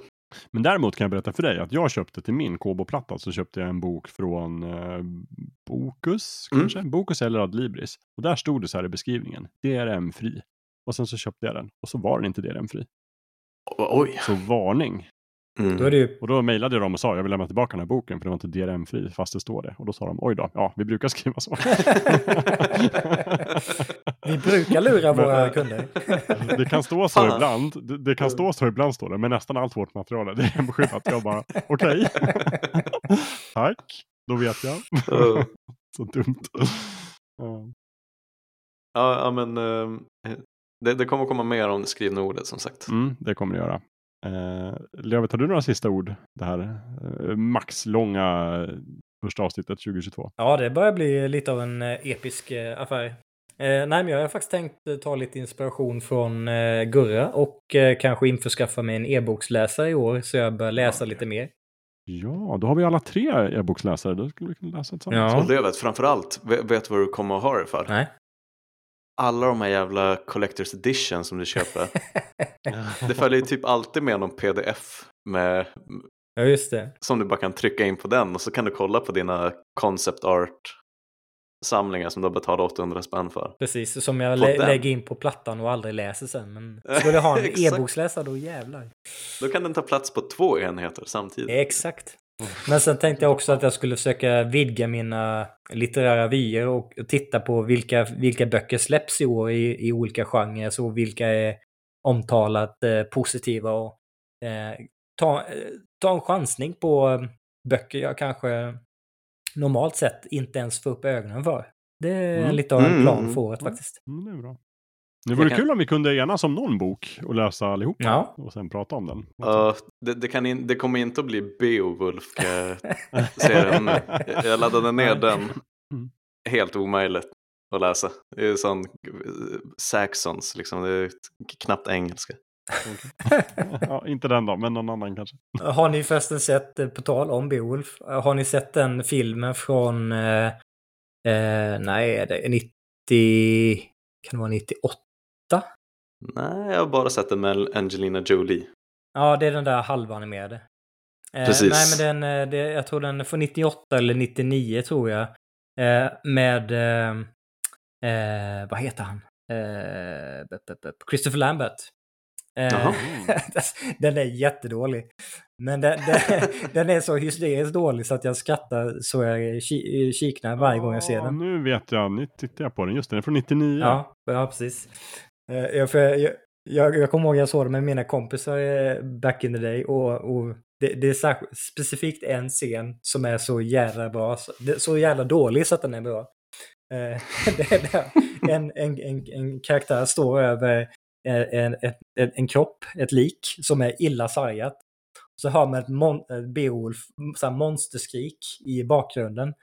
Sen eh, kommer inte ihåg vad karaktären het- namn heter, men så här, Jeff, är det du?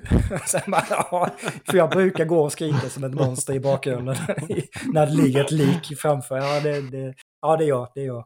Ja, det är fantastiskt roligt. Så om, man, om jag misstänker att den inte finns på någon streamingtjänst, men om man snubblar över den så kan jag varmt rekommendera den om man vill få sig ett skratt. Bara omslaget gör att den är liksom väldigt sevärd. Det ser ut som, jag vet inte, jag vet inte vad. Vad det ska föreställa. Någon form av yxa eller svärd är det där i början. Och sen är det Christopher Lamberts ansikte fult photoshoppat mot himlen. Ja, men det, jag, jag för mig att den, den såg ut som att eh, det, någon hade försökt göra någon slags eh, fanfiction, eh, fantasy eh, plagiat på eh, Highlander eller något. Jag tycker fortfarande att det är lika kul när folk påpekar att hur kunde de göra en uppföljare på Highlander när taglinen var “There can be only one”? Mm. Men det gjorde de. Ja, det gjorde de. Mm. Så är det. Hörni! Vilka många grejer vi ser fram emot under 2022. Och Ja. så kommer vi då till var och en av de här grejerna i decemberavsnittet när vi ska sammanfatta året. Och så ska Mm. vi se om de var bra eller dåliga.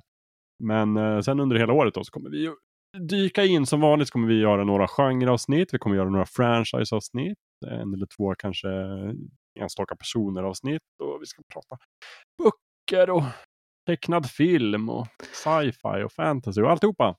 Det Ja, kommer bli jättekul. Ja, verkligen. ja shit jag är taggad. Jag hoppas lyssnarna är lika taggade som jag. Absolut. Och, och bara för att vi har planerat en massa avsnitt redan så får man fortfarande skriva in och önska ämnen som man väldigt gärna vill att vi pratar om. Och då kanske vi svarar och säger okej, det hade vi Mm. tänkt göra ändå. Eller så säger vi det ska vi göra någon gång. Eller i enstaka fall kanske vi säger nej. men, men man får svar i alla fall. Så hoppas vi också eh, att vi kommer ha en massa härliga gäster under året. Mm, Verkligen. Det är faktiskt planen. Gamla och Vi nya ska bara få, vi ska bara få dem att vara med. Ja. Utmaningen. Lura in dem i, i en studio med mikrofonen. Men vi har faktiskt många, vi för samtal med många intressanta parter. Så kan man Mm. säga. Ja, Så är det. Jajamän. Eh, då säger vi tack för januari. Och sen så säger vi tack till alla som har lyssnat. Och sen så eh, hoppas vi att alla är med oss hela året. Ja, Gör verkligen. verkligen. Ja, och nu var det någon trailer jag skulle gå och titta på. Jag kommer inte ihåg vilken det var. Jo, Halo-trailern. Halo-trailern. Just det, Mm. precis. Då så. Hörni, tack för ikväll. Ja, tack Tack själv. för ikväll. Vi hörs. Länklista finns på, inom kort på fulkulturpodden.se. Jajamän. Perfekt. Mm. Yes. Puss och kram allihopa. Puss och Puss kram! och kram. Ha det gott. Hej då. Hej!